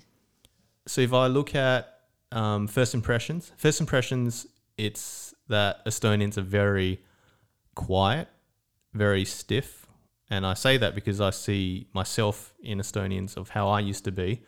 But because I grew up in Australia, we say good morning, we say hello, we talk to strangers. That doesn't happen here. If anything, you're considered weird if you say good morning to your neighbor, which I find super strange because if you're sharing a building with your neighbors, a, a, a simple good morning is just a nice gesture to me anyway. But I, I don't often get a response. Have you realized why that actually is? I don't. I Ah, don't. okay. Maybe I can give you some insight. Yeah, I, yeah. I'm not sure if that's the truth as well, but this is my theory. That uh, back in the day, let's say like 30, 40 years ago, when we were still under Soviet Union times, right? It was very um, often that your neighbor or the close people to you were the ones that actually sent you, got you sent off to Siberia. So a lot of the people these days still carry on, in my head at least, that's the theory I have, uh, the the kind of like um, suspicion towards like people near in their uh, near vicinity. So if your neighbor could turn or against you, then you don't really trust uh, who's there. But there are of course other communities as well, where the more countryside you go, the more people actually come together. But not in the city, not really in big apartment buildings. There, like even I don't know who my neighbors are. Yeah, yeah. so it's a sense of distrust. Almost, yeah right? yeah i would say it's a sense of distrust. It's it's kind of uh, in already built in in the culture. And and you can see that as well when you think about or consider how estonians approach foreigners. Some of them are very curious like some estonians who have been outside of estonia they tend to be very open-minded and very curious about like foreigners that come here and they like want to know why the hell did you choose estonia? Right? Yeah, yeah. but then you have the other side who are like don't bring anybody here and why did you come here? Like this is my house this is my home my house my place. And I totally respect that because how I see it is that I'm a foreigner, right? And so I'm in your country. And the only way for me to, I guess, feel welcomed is if I bring value or if I'm the one that starts the conversation and it needs to be something positive that I bring to the country. If I'm here and I don't adapt or try to settle in, then I'm just the foreigner who doesn't fit in and you almost feel like okay this person here is in our in our country but why are they not um, being part of who we are why are they not learning some of our cultural differences I feel like it's your responsibility whenever you're in a new country that it's you that needs to fit in Absolutely. You cannot expect the people that have already lived there for years, you know, to adhere to you. it's like going to a country that doesn't speak English and you're expecting them to speak English to accommodate you How do you feel about the fact you speak Estonian? it's it's so hard. I've tried, I've tried, and it's just the way the words and letters sound that I just get laughed at. So okay, then there's a one theory as well that I used to tell people. It's about this uh, helpful Estonian um, syndrome. And a helpful uh, Estonian syndrome is like when you are trying to speak Estonian and then say, "Oh no, no, no," and then they start speaking English with you. Because a lot of foreigners come here, they try to learn Estonian, but one of the reasons why they can't learn Estonian is because Estonian people won't speak to them in Estonian because they want to be very helpful and they want to practice their own English as well. Yeah, yeah, I get that. That makes sense. But Um, it's good to go to countrysides and you know to smaller places because there people normally don't speak that much English. That's right. So a recent memory. Well, this happened just like during this summer where I went to uh, Dorma, and there there was a guy who could barely speak English. He is Estonian. His wife is Russian, so he can speak Estonian and Russian.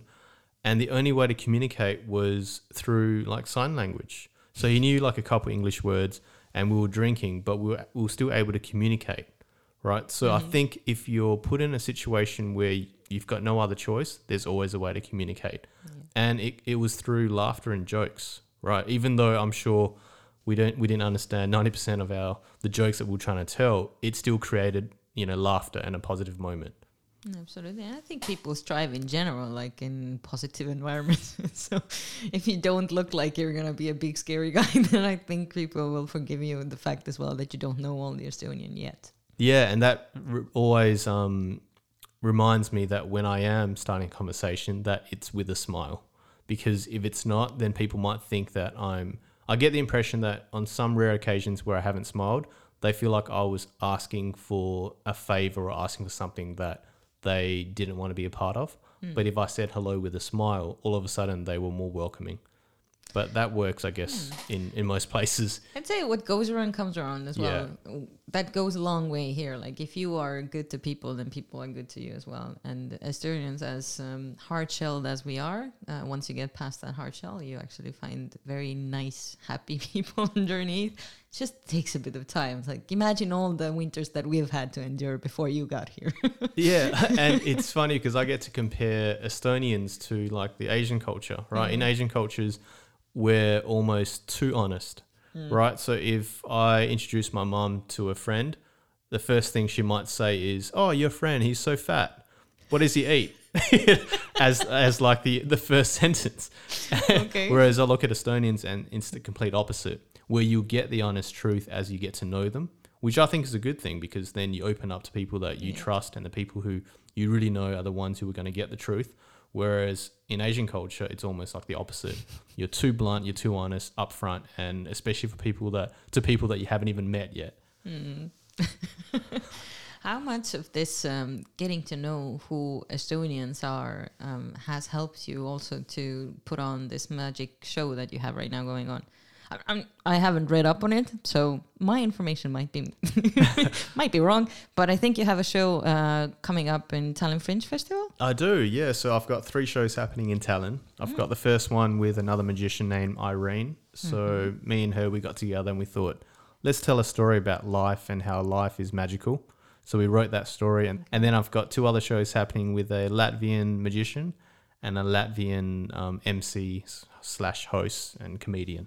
So they're happening, but I've learnt that over the last few months performing for Estonian audiences is that Estonians don't react to anything, and if they do, you can tell that it's um, they're not as comfortable in sharing how they feel. And I know that because of the cultural differences, I need to lighten up the mood from the get go. So as soon as I start the show, I ensure that everyone feels comfortable. And so I have to put in more effort to have a few conversations at the start of the show before I begin the first trick.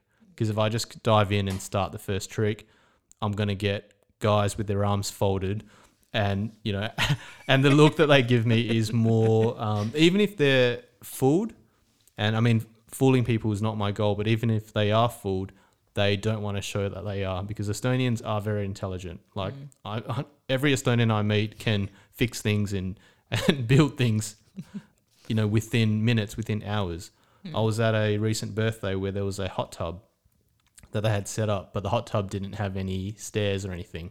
And so a, a guy I know, he literally got out some wood and after two hours had built the stairs for everyone to get into this hot tub. I'm like, for me, it would have taken like three weeks to plan and get the equipment and just work out how I'm going to build these steps. But for Estonians, it was like he could just do it without thinking. So I definitely respect that. Yeah, I guess some parts of it come also. Well, it really depends on where they grew up as well. Like uh, if you're from the countryside, then for sure, yeah, you grow up uh, being like very nifty and creative with your hands. Um, maybe not so much when you're in the city, but right now we are, you know, part of a community whose parents were the ones that had to figure out all the stuff during Soviet Union time. So yeah, you couldn't get a lot of things, so you had to learn how to fix or build the things yourself. So there's a saying that um, something that is temporary uh, forever. so it's like it's never finished. yeah, it, it never gets finished because it's something that you know got done only to be a temporary fix, but it got done so well that it stayed there forever. And and you know the households in Estonia are filled with stuff that is like temporary forever. It's almost like a joke. Yeah, yeah, no, you're spot on because I was in, I can't say it correctly, but Yergava, Yergava County. Yeah. Um, I was there and we were invited there to do some videos and that to document a place we were staying. And as they were giving us the house tour, everything that they introduced was a project that wasn't completed. And I think that at the time they called it, oh, that's just another Corona project. That's just half finished. But to me, everything looked good. But in through their eyes, everything was half completed. And their house, I mean, this is we're talking a like a five bedroom home with like fourteen beds, and th- there are so many things that they've built in this um, Airbnb. But for them, it's not complete. And to me, it's like, no, this is amazing. This is an amazing place that you can definitely rent out, and it looks good. So you're you're right in that sense. Everything's a project that is never finished in Estonia. And I think it's also got to do something with the fact that Estonians are very proud people in a way.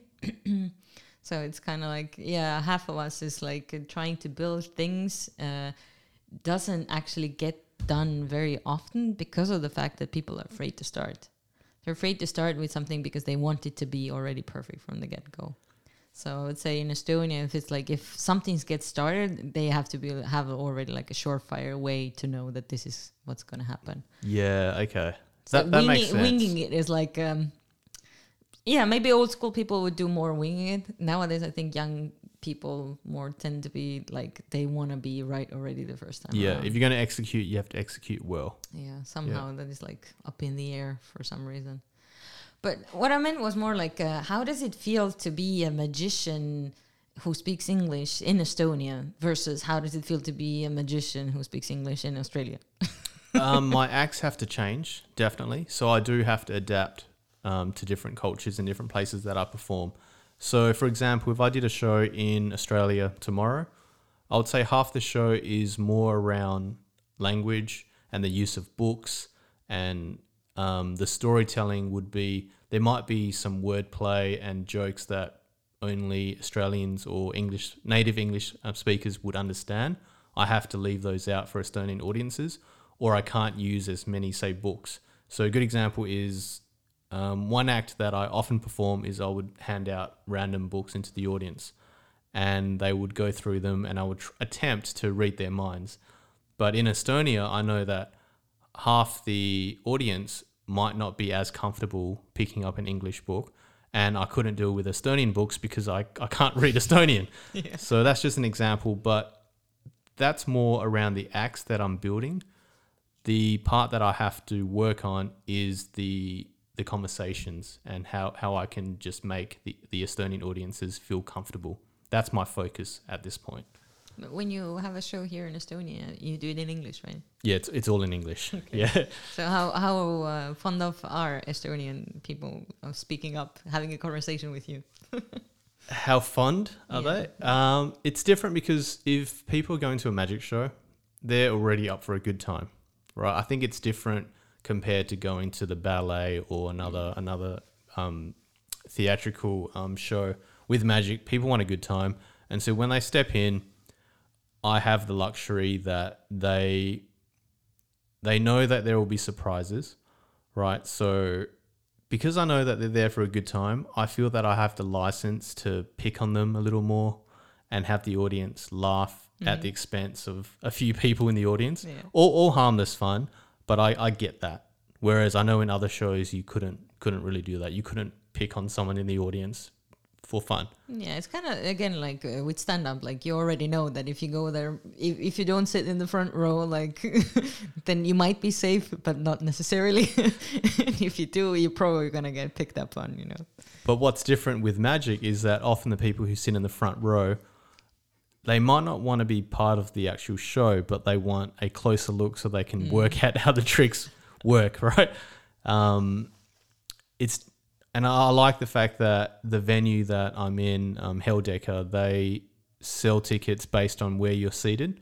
So at least I get an idea that the people who have paid to be in the front row want to be there. Yeah. So either they're up for being volunteers or they really want to be up close. But I get to work with that and have some fun with it. Yeah, absolutely. And Heldeke is a really nice venue as well where to perform. It's like intimate enough so then you can like actually get some momentum going inside there or create a little world of magic. And it's not like too big as well. That's right. It's for me it's a perfect place for magic in Estonia.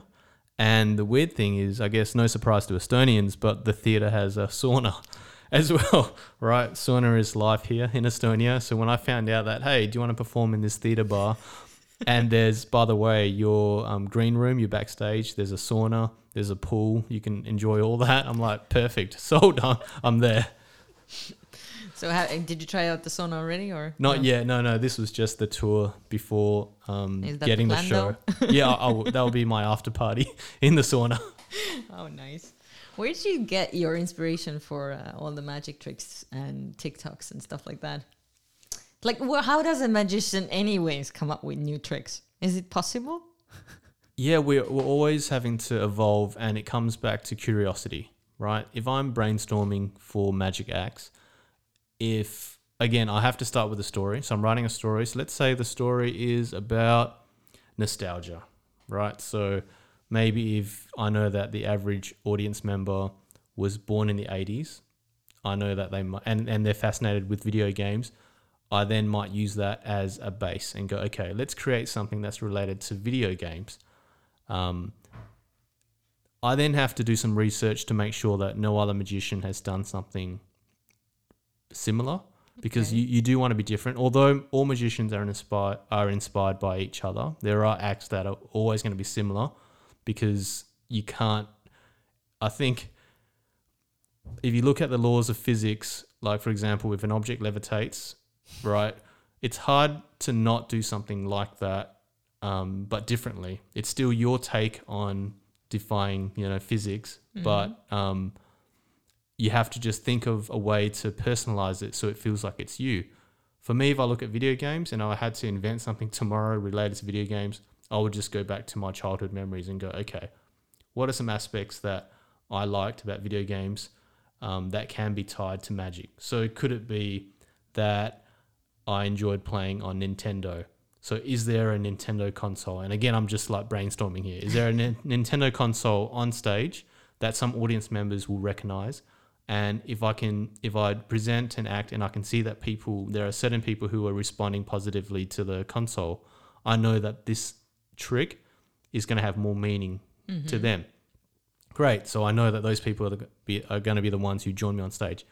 Next up, what am I going to do with this console? Is it mind reading? Is it me thinking about their favorite video game? Is it me predicting that something's going to happen and it's going to be revealed when I insert a game cartridge and load up the game and something Okay. that happens on like these are just cr- weird ideas I'm just throwing out at the moment. But it all comes back from what's the story I'm going to tell, how I'm going to relate to it, what's the object that I'm going to use, and how is that act going to look in terms of me and that spectator. Do you have uh, many original tricks? I would say that in the show that's coming up, uh, half of it is completely original, and the other half would be I call it like a remix of what other magicians have done because it's also, I guess, showing it's a gesture of appreciating what other magicians have done in the past. You present those acts, but in your original way, and then it's always nice to have something that has never been done before. Do you have something like that too? Of course, yeah, definitely. Which I don't want to surprise now, no, but yeah, there's def- there's definitely a few that I haven't performed yet at all, Mm. and on Saturday that will be my first time doing it. Well, I definitely hope that it goes well. Yeah, yeah, that's it. Fingers crossed. I know. If if I'm not ready, I'll take it out and replace it. yeah.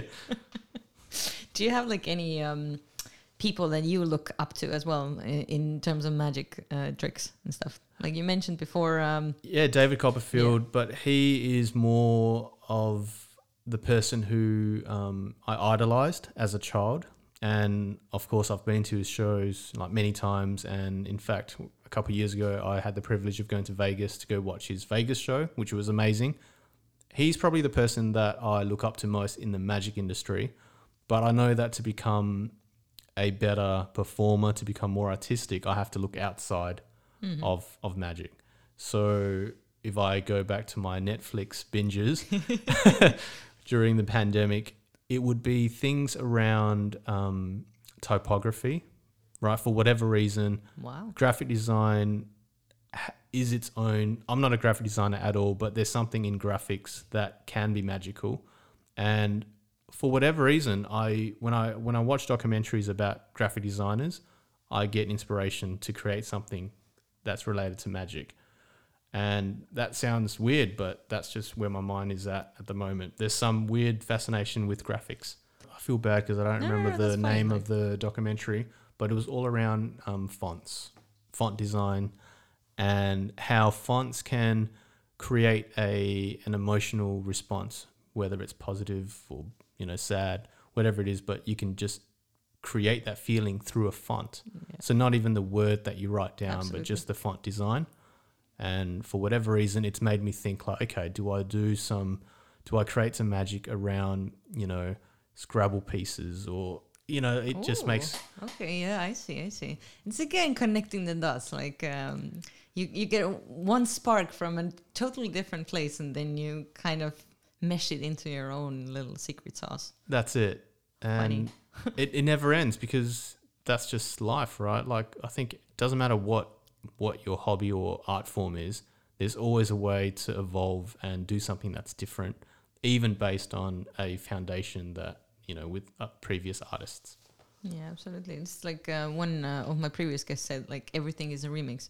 Yeah, There's a yeah. show on YouTube I that's heard. supposed to be yeah, I heard about that. I haven't seen it, but my friends keep telling me that. Me it's neither. I should watch it. Like, Yeah, like, yeah. or- now I'm curious because like this kind of like uh, forms the same thing that I have had in my head. There is nothing too original these days. It's just that we are more hyper aware of what's happening in the rest of the world. Like if we didn't know that, you know, somewhere in the US there's somebody that does the same magic trick, you would think that you are like the only one that's performing it, right? Magical.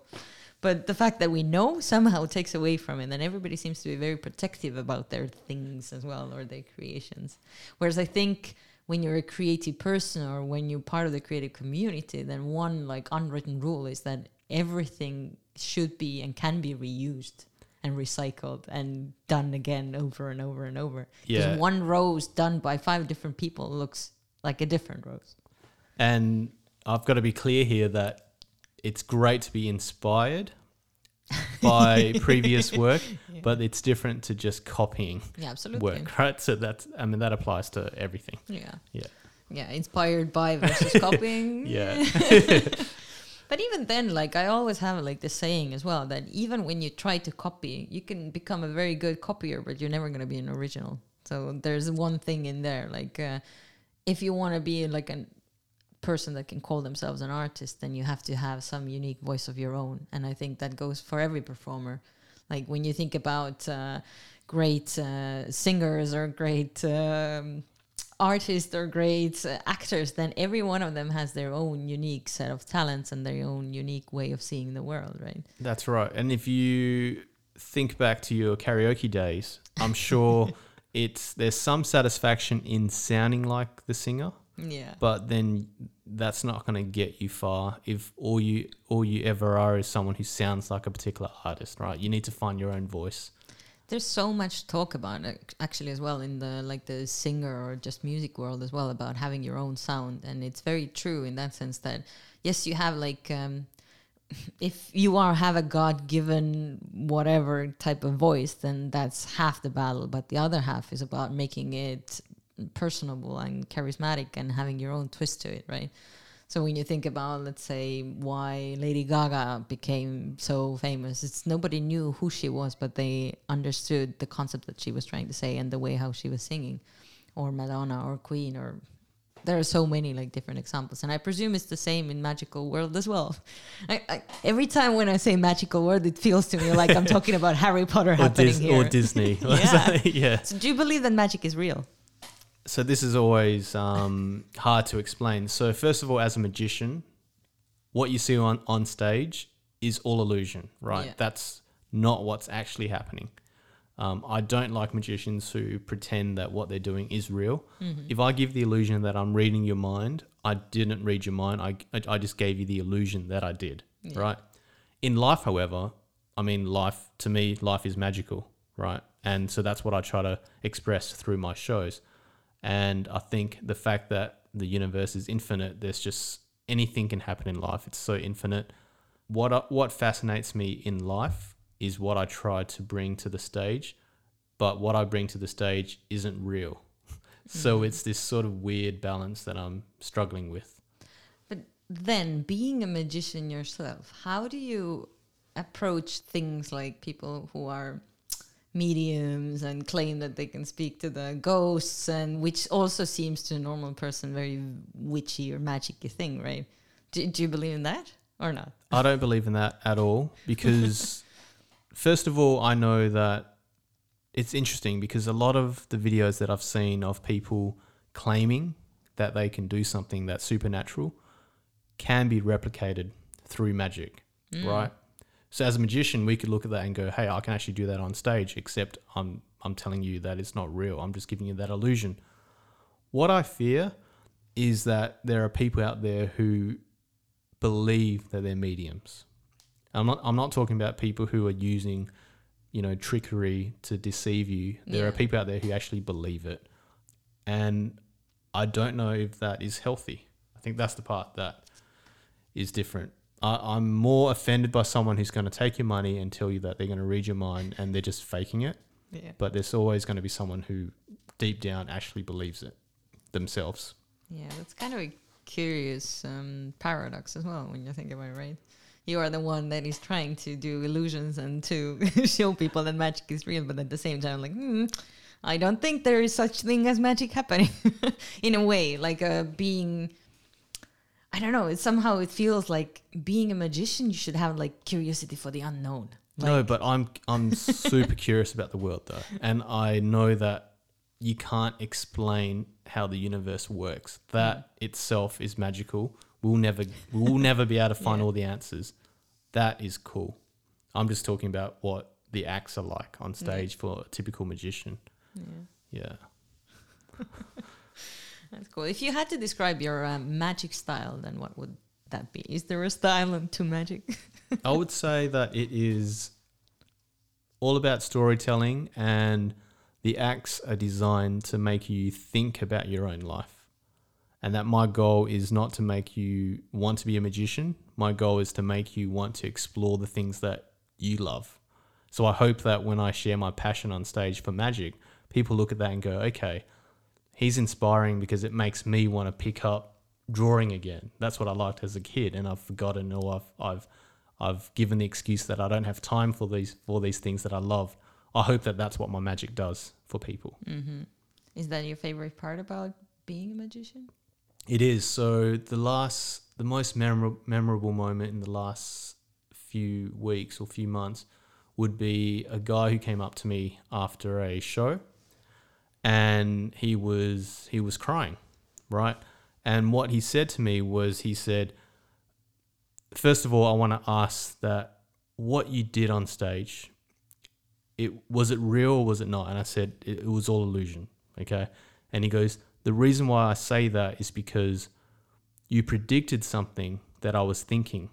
And I don't want to say who it is, but the guy said that he was thinking about wanting to become a teacher. Hmm. Okay.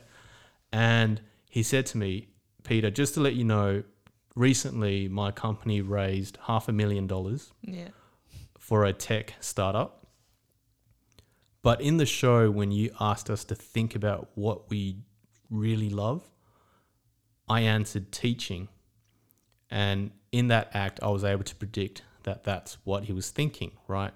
And he needed confirmation that I didn't plant that yeah, thought. insert it. And I said, no, that I'm letting you know that what I did on stage was an act. It was an illusion. Your response that you want to teach, that is you.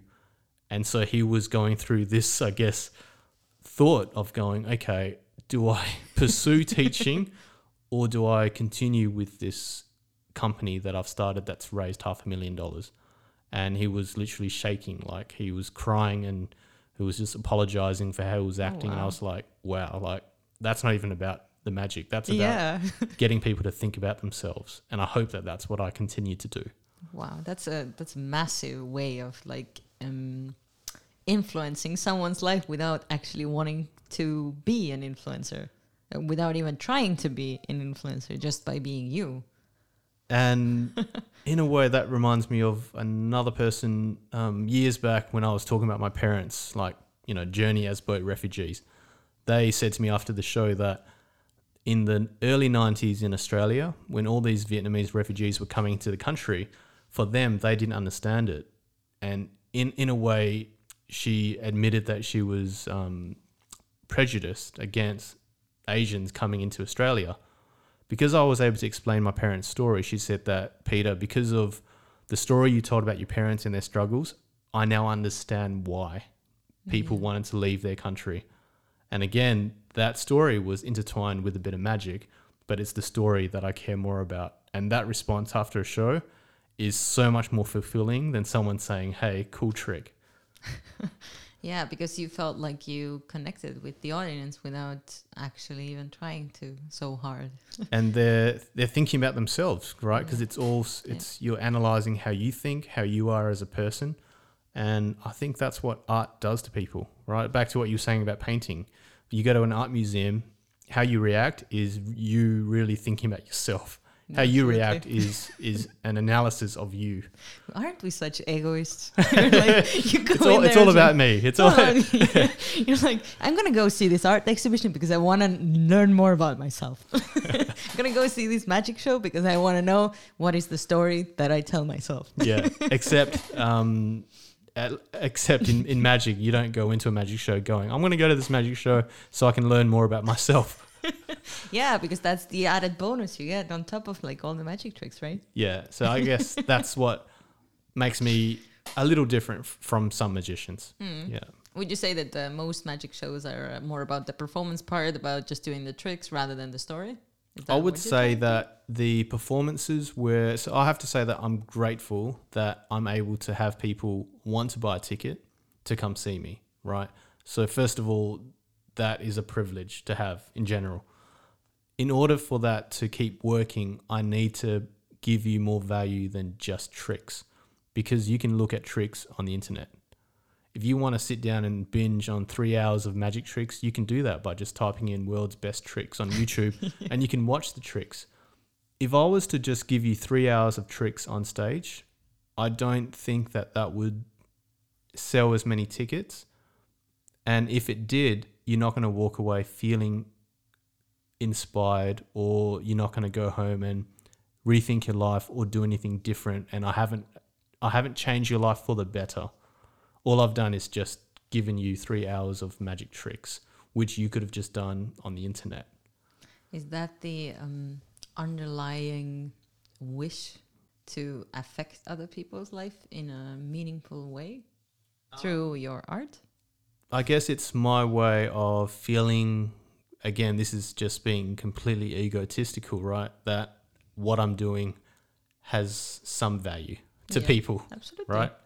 Um, if you take that away and I wasn't performing, I'd be just as happy to hide away in a treehouse somewhere and just read for the rest of my life and drink good coffee. I'd be happy with that life too. What if I take away the coffee? then I would switch to green tea okay. or matcha. Yeah.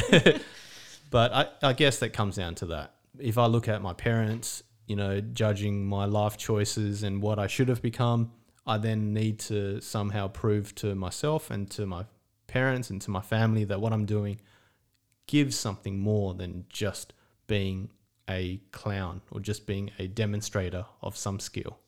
Yeah, absolutely. If uh, you could give advice to your younger self, what kind of advice would you give now?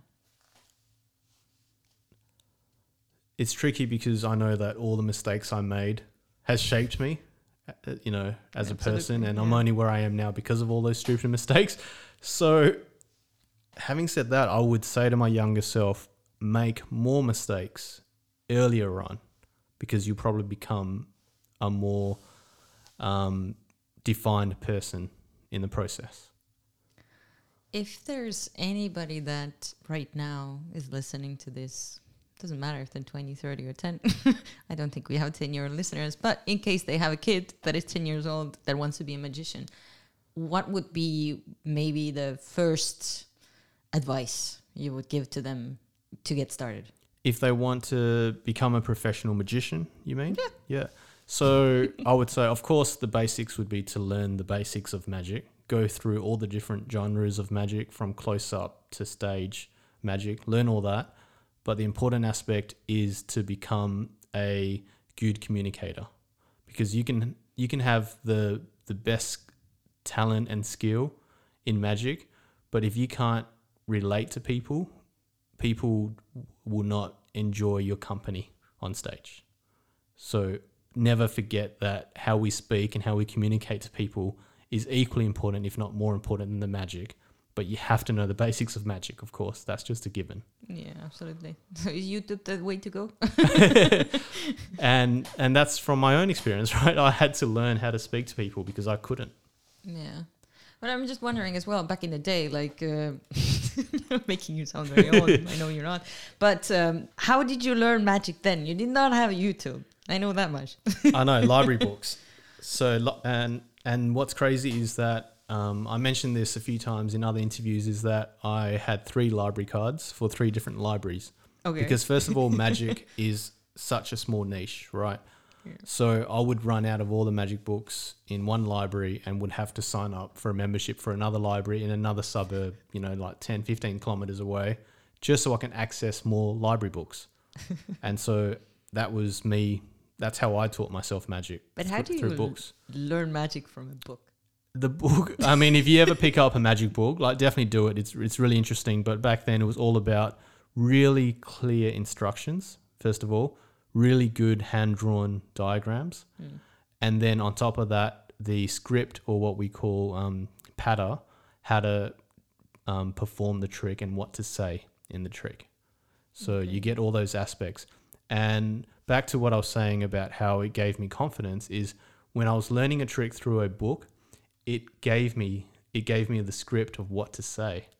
So i could hide behind that. It's almost like being an actor Yeah. like cool when i spread out the, the deck of cards i'm going to say these things. Okay so ladies and gentlemen here are the queens.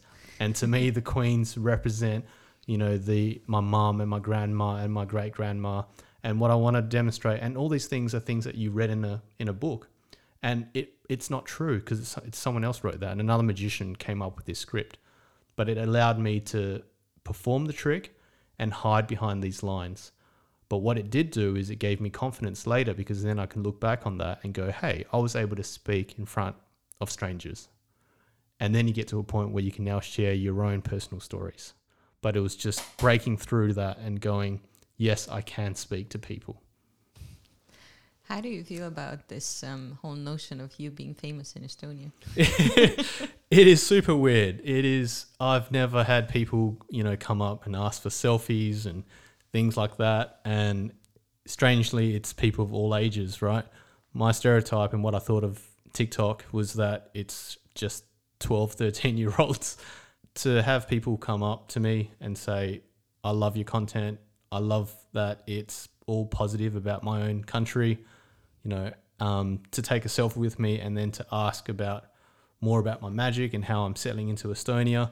I feel like people actually want to get to know me, and it was my content that got me to be recognized in the first place. But it all happened so fast. Like within one month, it was like six newspaper interviews, podcasts. You know, now I'm here.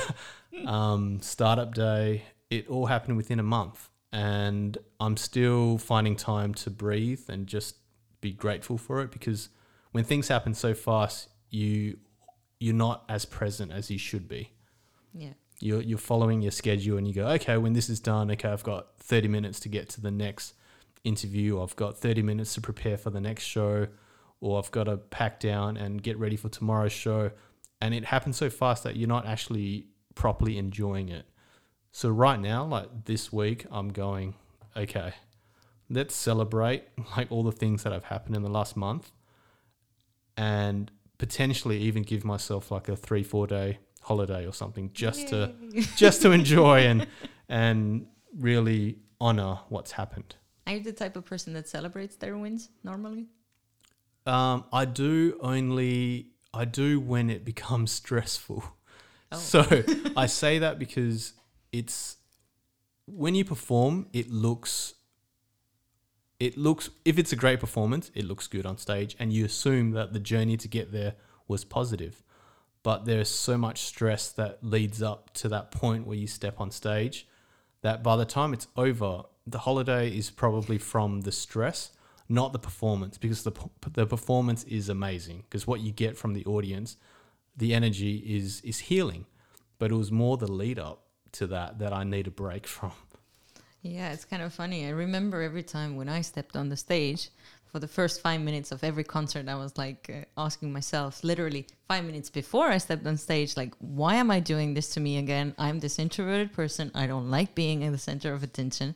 Then you get on stage for the first five minutes, your like leg is shaking, and you're again asking yourself, like, why do, do I put myself through this like trouble, right? And then the rest of the concert happens, and by the end, uh, when you step off the stage, you don't actually want to leave.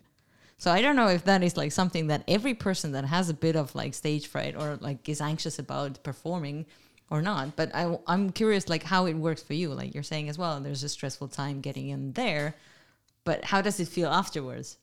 So the stress is more around wanting the show to be perfect, right? I think we all have that in Yeah. us. it's like planning anything, your wedding day, any events. Yeah. It's the stress leading up to it because you want it to go well.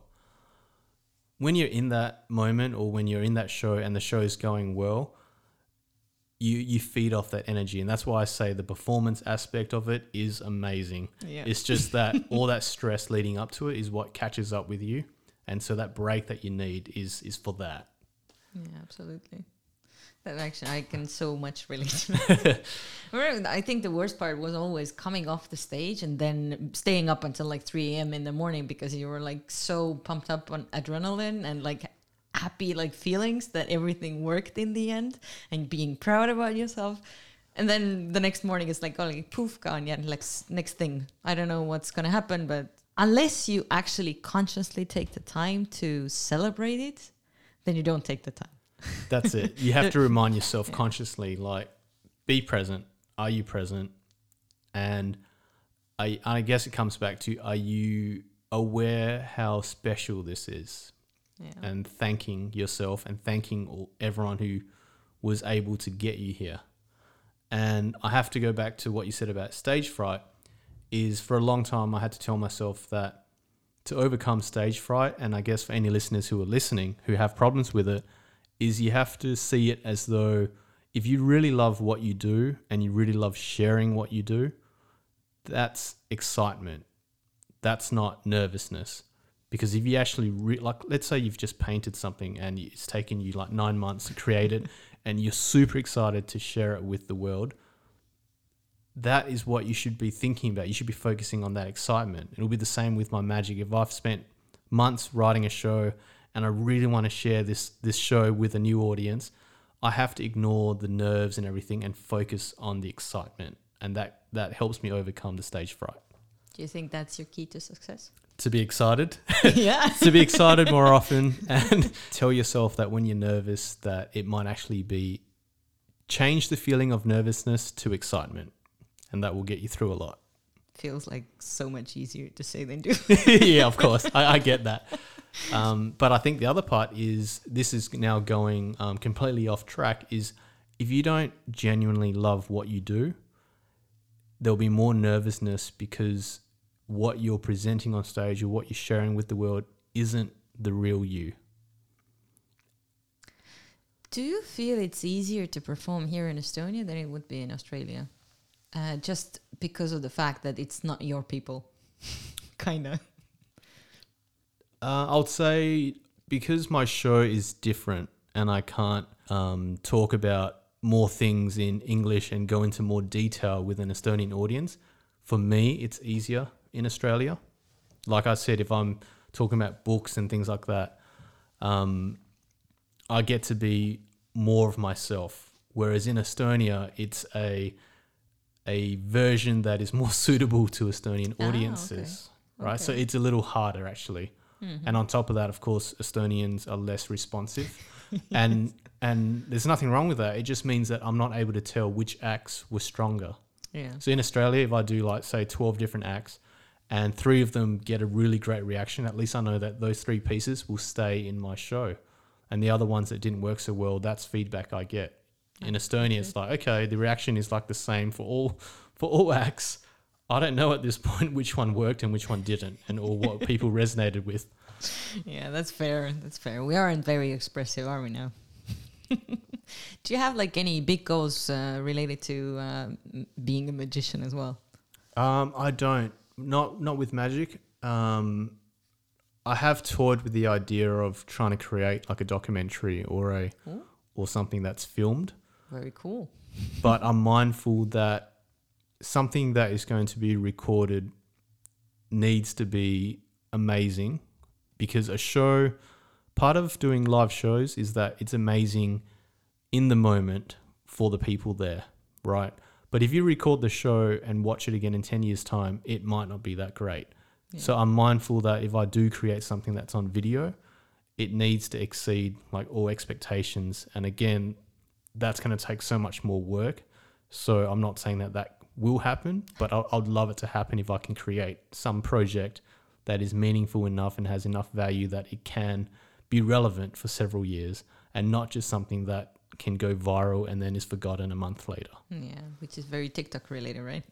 yeah, and that and that reminds me about how there are a lot of magicians or a lot of um, people who have magic as their hobby and they perform to the camera on on TikTok. Right, it's a seven to fifteen second window into their life, and it's a trick that they demonstrate. But that is so far from creating an actual show. yeah. And I'm not saying that everyone who does a magic trick on TikTok wants their own show, but they need to ask themselves: Is it is it for the views, or is it because you actually care about sharing magic with the world and and your viewpoint and your perspective of the world? Yeah, and whether it actually brings you further down the road as well. Like not just, you know, instant fame right now and then poof gone. That's it. And so I think one of the reasons why I got recognized on TikTok was because not only was I sharing a little bit of magic, but it was my honest thoughts about what it's like to be in Estonia. That collectively is what got me noticed. It wasn't like, hey, this this guy does cool tricks on TikTok. That mm-hmm. that wasn't what got me noticed. How do you feel Estonians approach uh, Australians? Like uh, here, here's a glimpse. Like I, I had an idea for a joke this morning. Please don't take it the wrong way. Like the Australians in Estonia, right? The most famous Australians in Estonia. Um, one of them uh, is a comedian. Another one is a stripper, and you're a magician. And to me, that sounds like a very good beginning of a good joke, right? That that could be a show. we could bring the three of us together. Exactly. um, so, in case you don't know, uh, the comedian I'm talking about is the founder of Comedy Estonia, Louis Zezeran. And the stripper I'm talking about is uh, Justin Leo. He's also very uh, famous due to the fact that um, he had found from TikTok his Estonian girlfriend. Now they're married, and he moved to Estonia and so on. So it's a big love story. Um, so yeah, I'm just wondering, like, what is this Australian that's coming to Estonia and taking over all our like performance scene here? Before I answer that question, I want to um, share the fact that when I was leaving Australia in February to come back here, the, in, in Perth, in, in Australia, there are a lot of Estonians, right? Mm-hmm. And the the border patrol team questioned me and said, "Why is it that as an Australian you're going to Estonia?" Because usually it's the other way around. Estonians wanting to come to. Australia, and you know we're going through a pandemic where you know we're halfway through a lockdown. We're at the time in in Perth anyway. Why are you leaving Australia to go back to Estonia?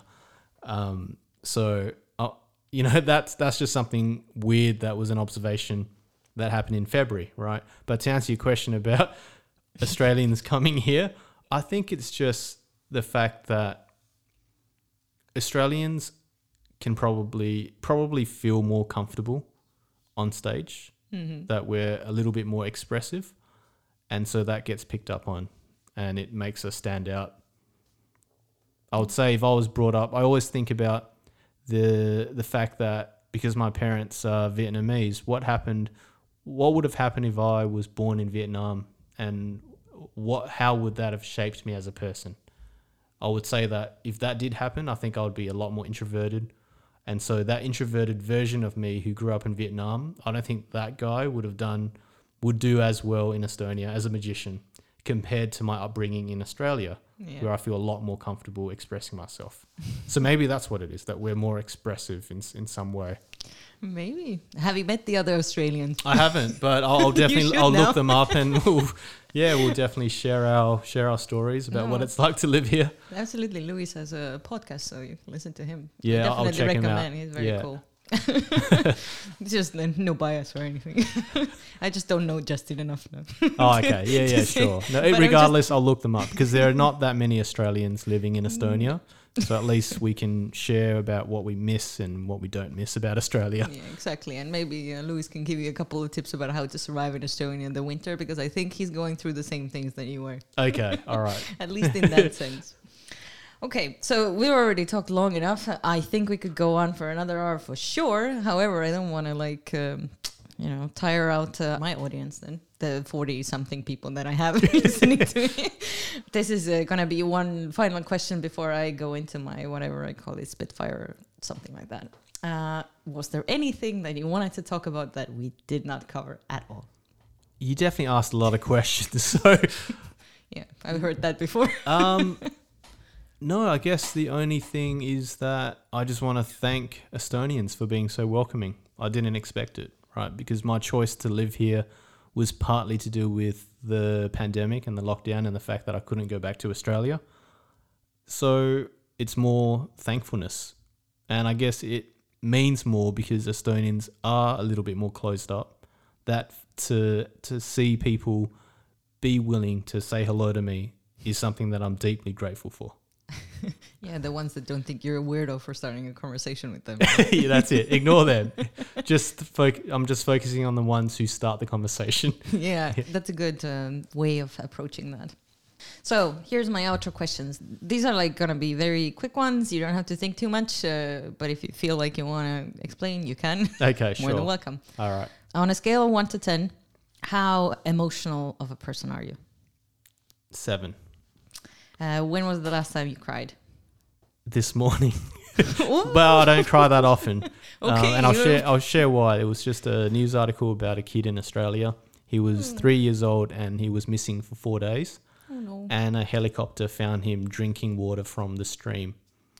Wow. and I was like, "Holy crap!" Like if I was a parent and I had lost my child for like three days, like because they revealed the images of the kid or the video of the kid just like, you know, scooping water out of the Yeah. stream, and it's like, oh my god, like that that just hit me. he turned into a little Mowgli. That's it. He could, yeah, I know. That's where the story came from. yeah. we know. But Okay. apart from that, no. The last time I cried was like probably at least nine months ago. That's more than I would say most Estonians do. Oh, okay, really? Okay, so I'm a softie. Okay, so I'm so I'm quite emotional then. Okay. yeah, well, seven is quite good for an average Estonian. I would say probably below five, at least for an average Estonian man. Um, if you were an animal, what kind of an animal would you be? a monkey because I, I just feel like I'm very playful and I've, that's how I see life that I'm just playing in the trees and enjoying simple things like good food Yeah, showing your bum to other, to other monkeys, being naked and just letting it all out yeah hanging in there, eating a banana. Well, I love that. Monkey is a good animal. okay, if anybody would need to find you in a very crowded place, uh, what would be the most likely feature or way how they would find you? that I'm Asian Okay, let's imagine you're in Vietnam. okay okay uh, I would like to say that I'm the guy that looks um, the most cheerful that's what's often said about me That's nice. Yeah. And if you had to describe yourself with one word only, what word would that be? curious That's good. that kind of wraps you up very nicely. yeah, yeah. Explains why I do magic as well, and why I want to see the world and Yeah, experience actually, different things. everything. It Yeah. explains everything. See how easy it Yeah, is there to you go. describe yourself in just one word. That, that'll be my new profile page um, identity. If you go to my Instagram, Peter it's like curious. curious dude. Okay, so if people want to find out more about you, uh, where should they go or what should they look? yeah, I'd love to connect with all the listeners. So find me on Instagram, peter.pax, Mm-hmm. um, P A X, or on TikTok, Peter Pax. Okay. So you'll definitely see a lot of embarrassing daily videos on TikTok. That's where I hang out quite often. But feel free to DM me on Instagram. I do check. It, it is me and not some bot. Absolutely, I can adhere to that. I just sent a random video asking for him to come to my show, and he actually answered. Imagine that. And here we are, right? Here so, we are.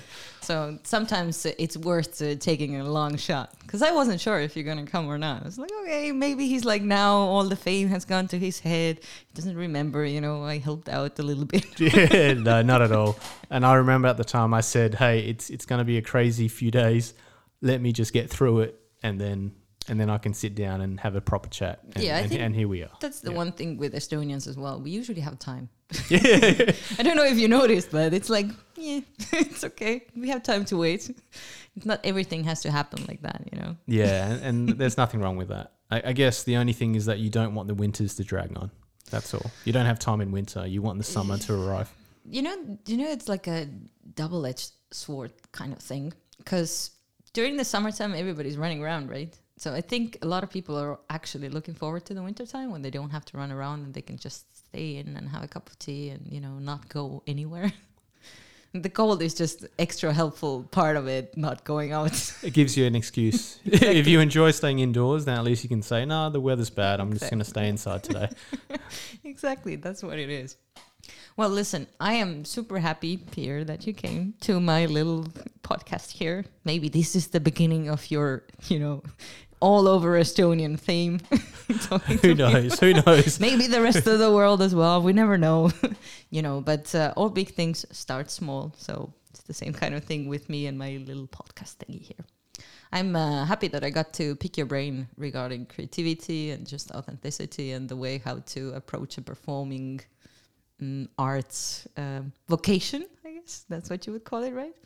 And um, I'm happy that you uh, are one of those people that uh, keeps on. Um, that still keeps the perception of uh, magic being real alive, even though you say that everything is illusion. Even though it's not real. yes. Yeah, hey, a girl can dream, you know. magic is real. There is a Prince Charming somewhere. no, no. See that what you're talking about there. That's that's the real magic. Yeah, Yeah, life I- I'm, is magic. I'm just talking about magic tricks. All right. So, uh, to my listeners, thank you for hanging in there. This one is a quite long episode, but I think that the conversation was worth it.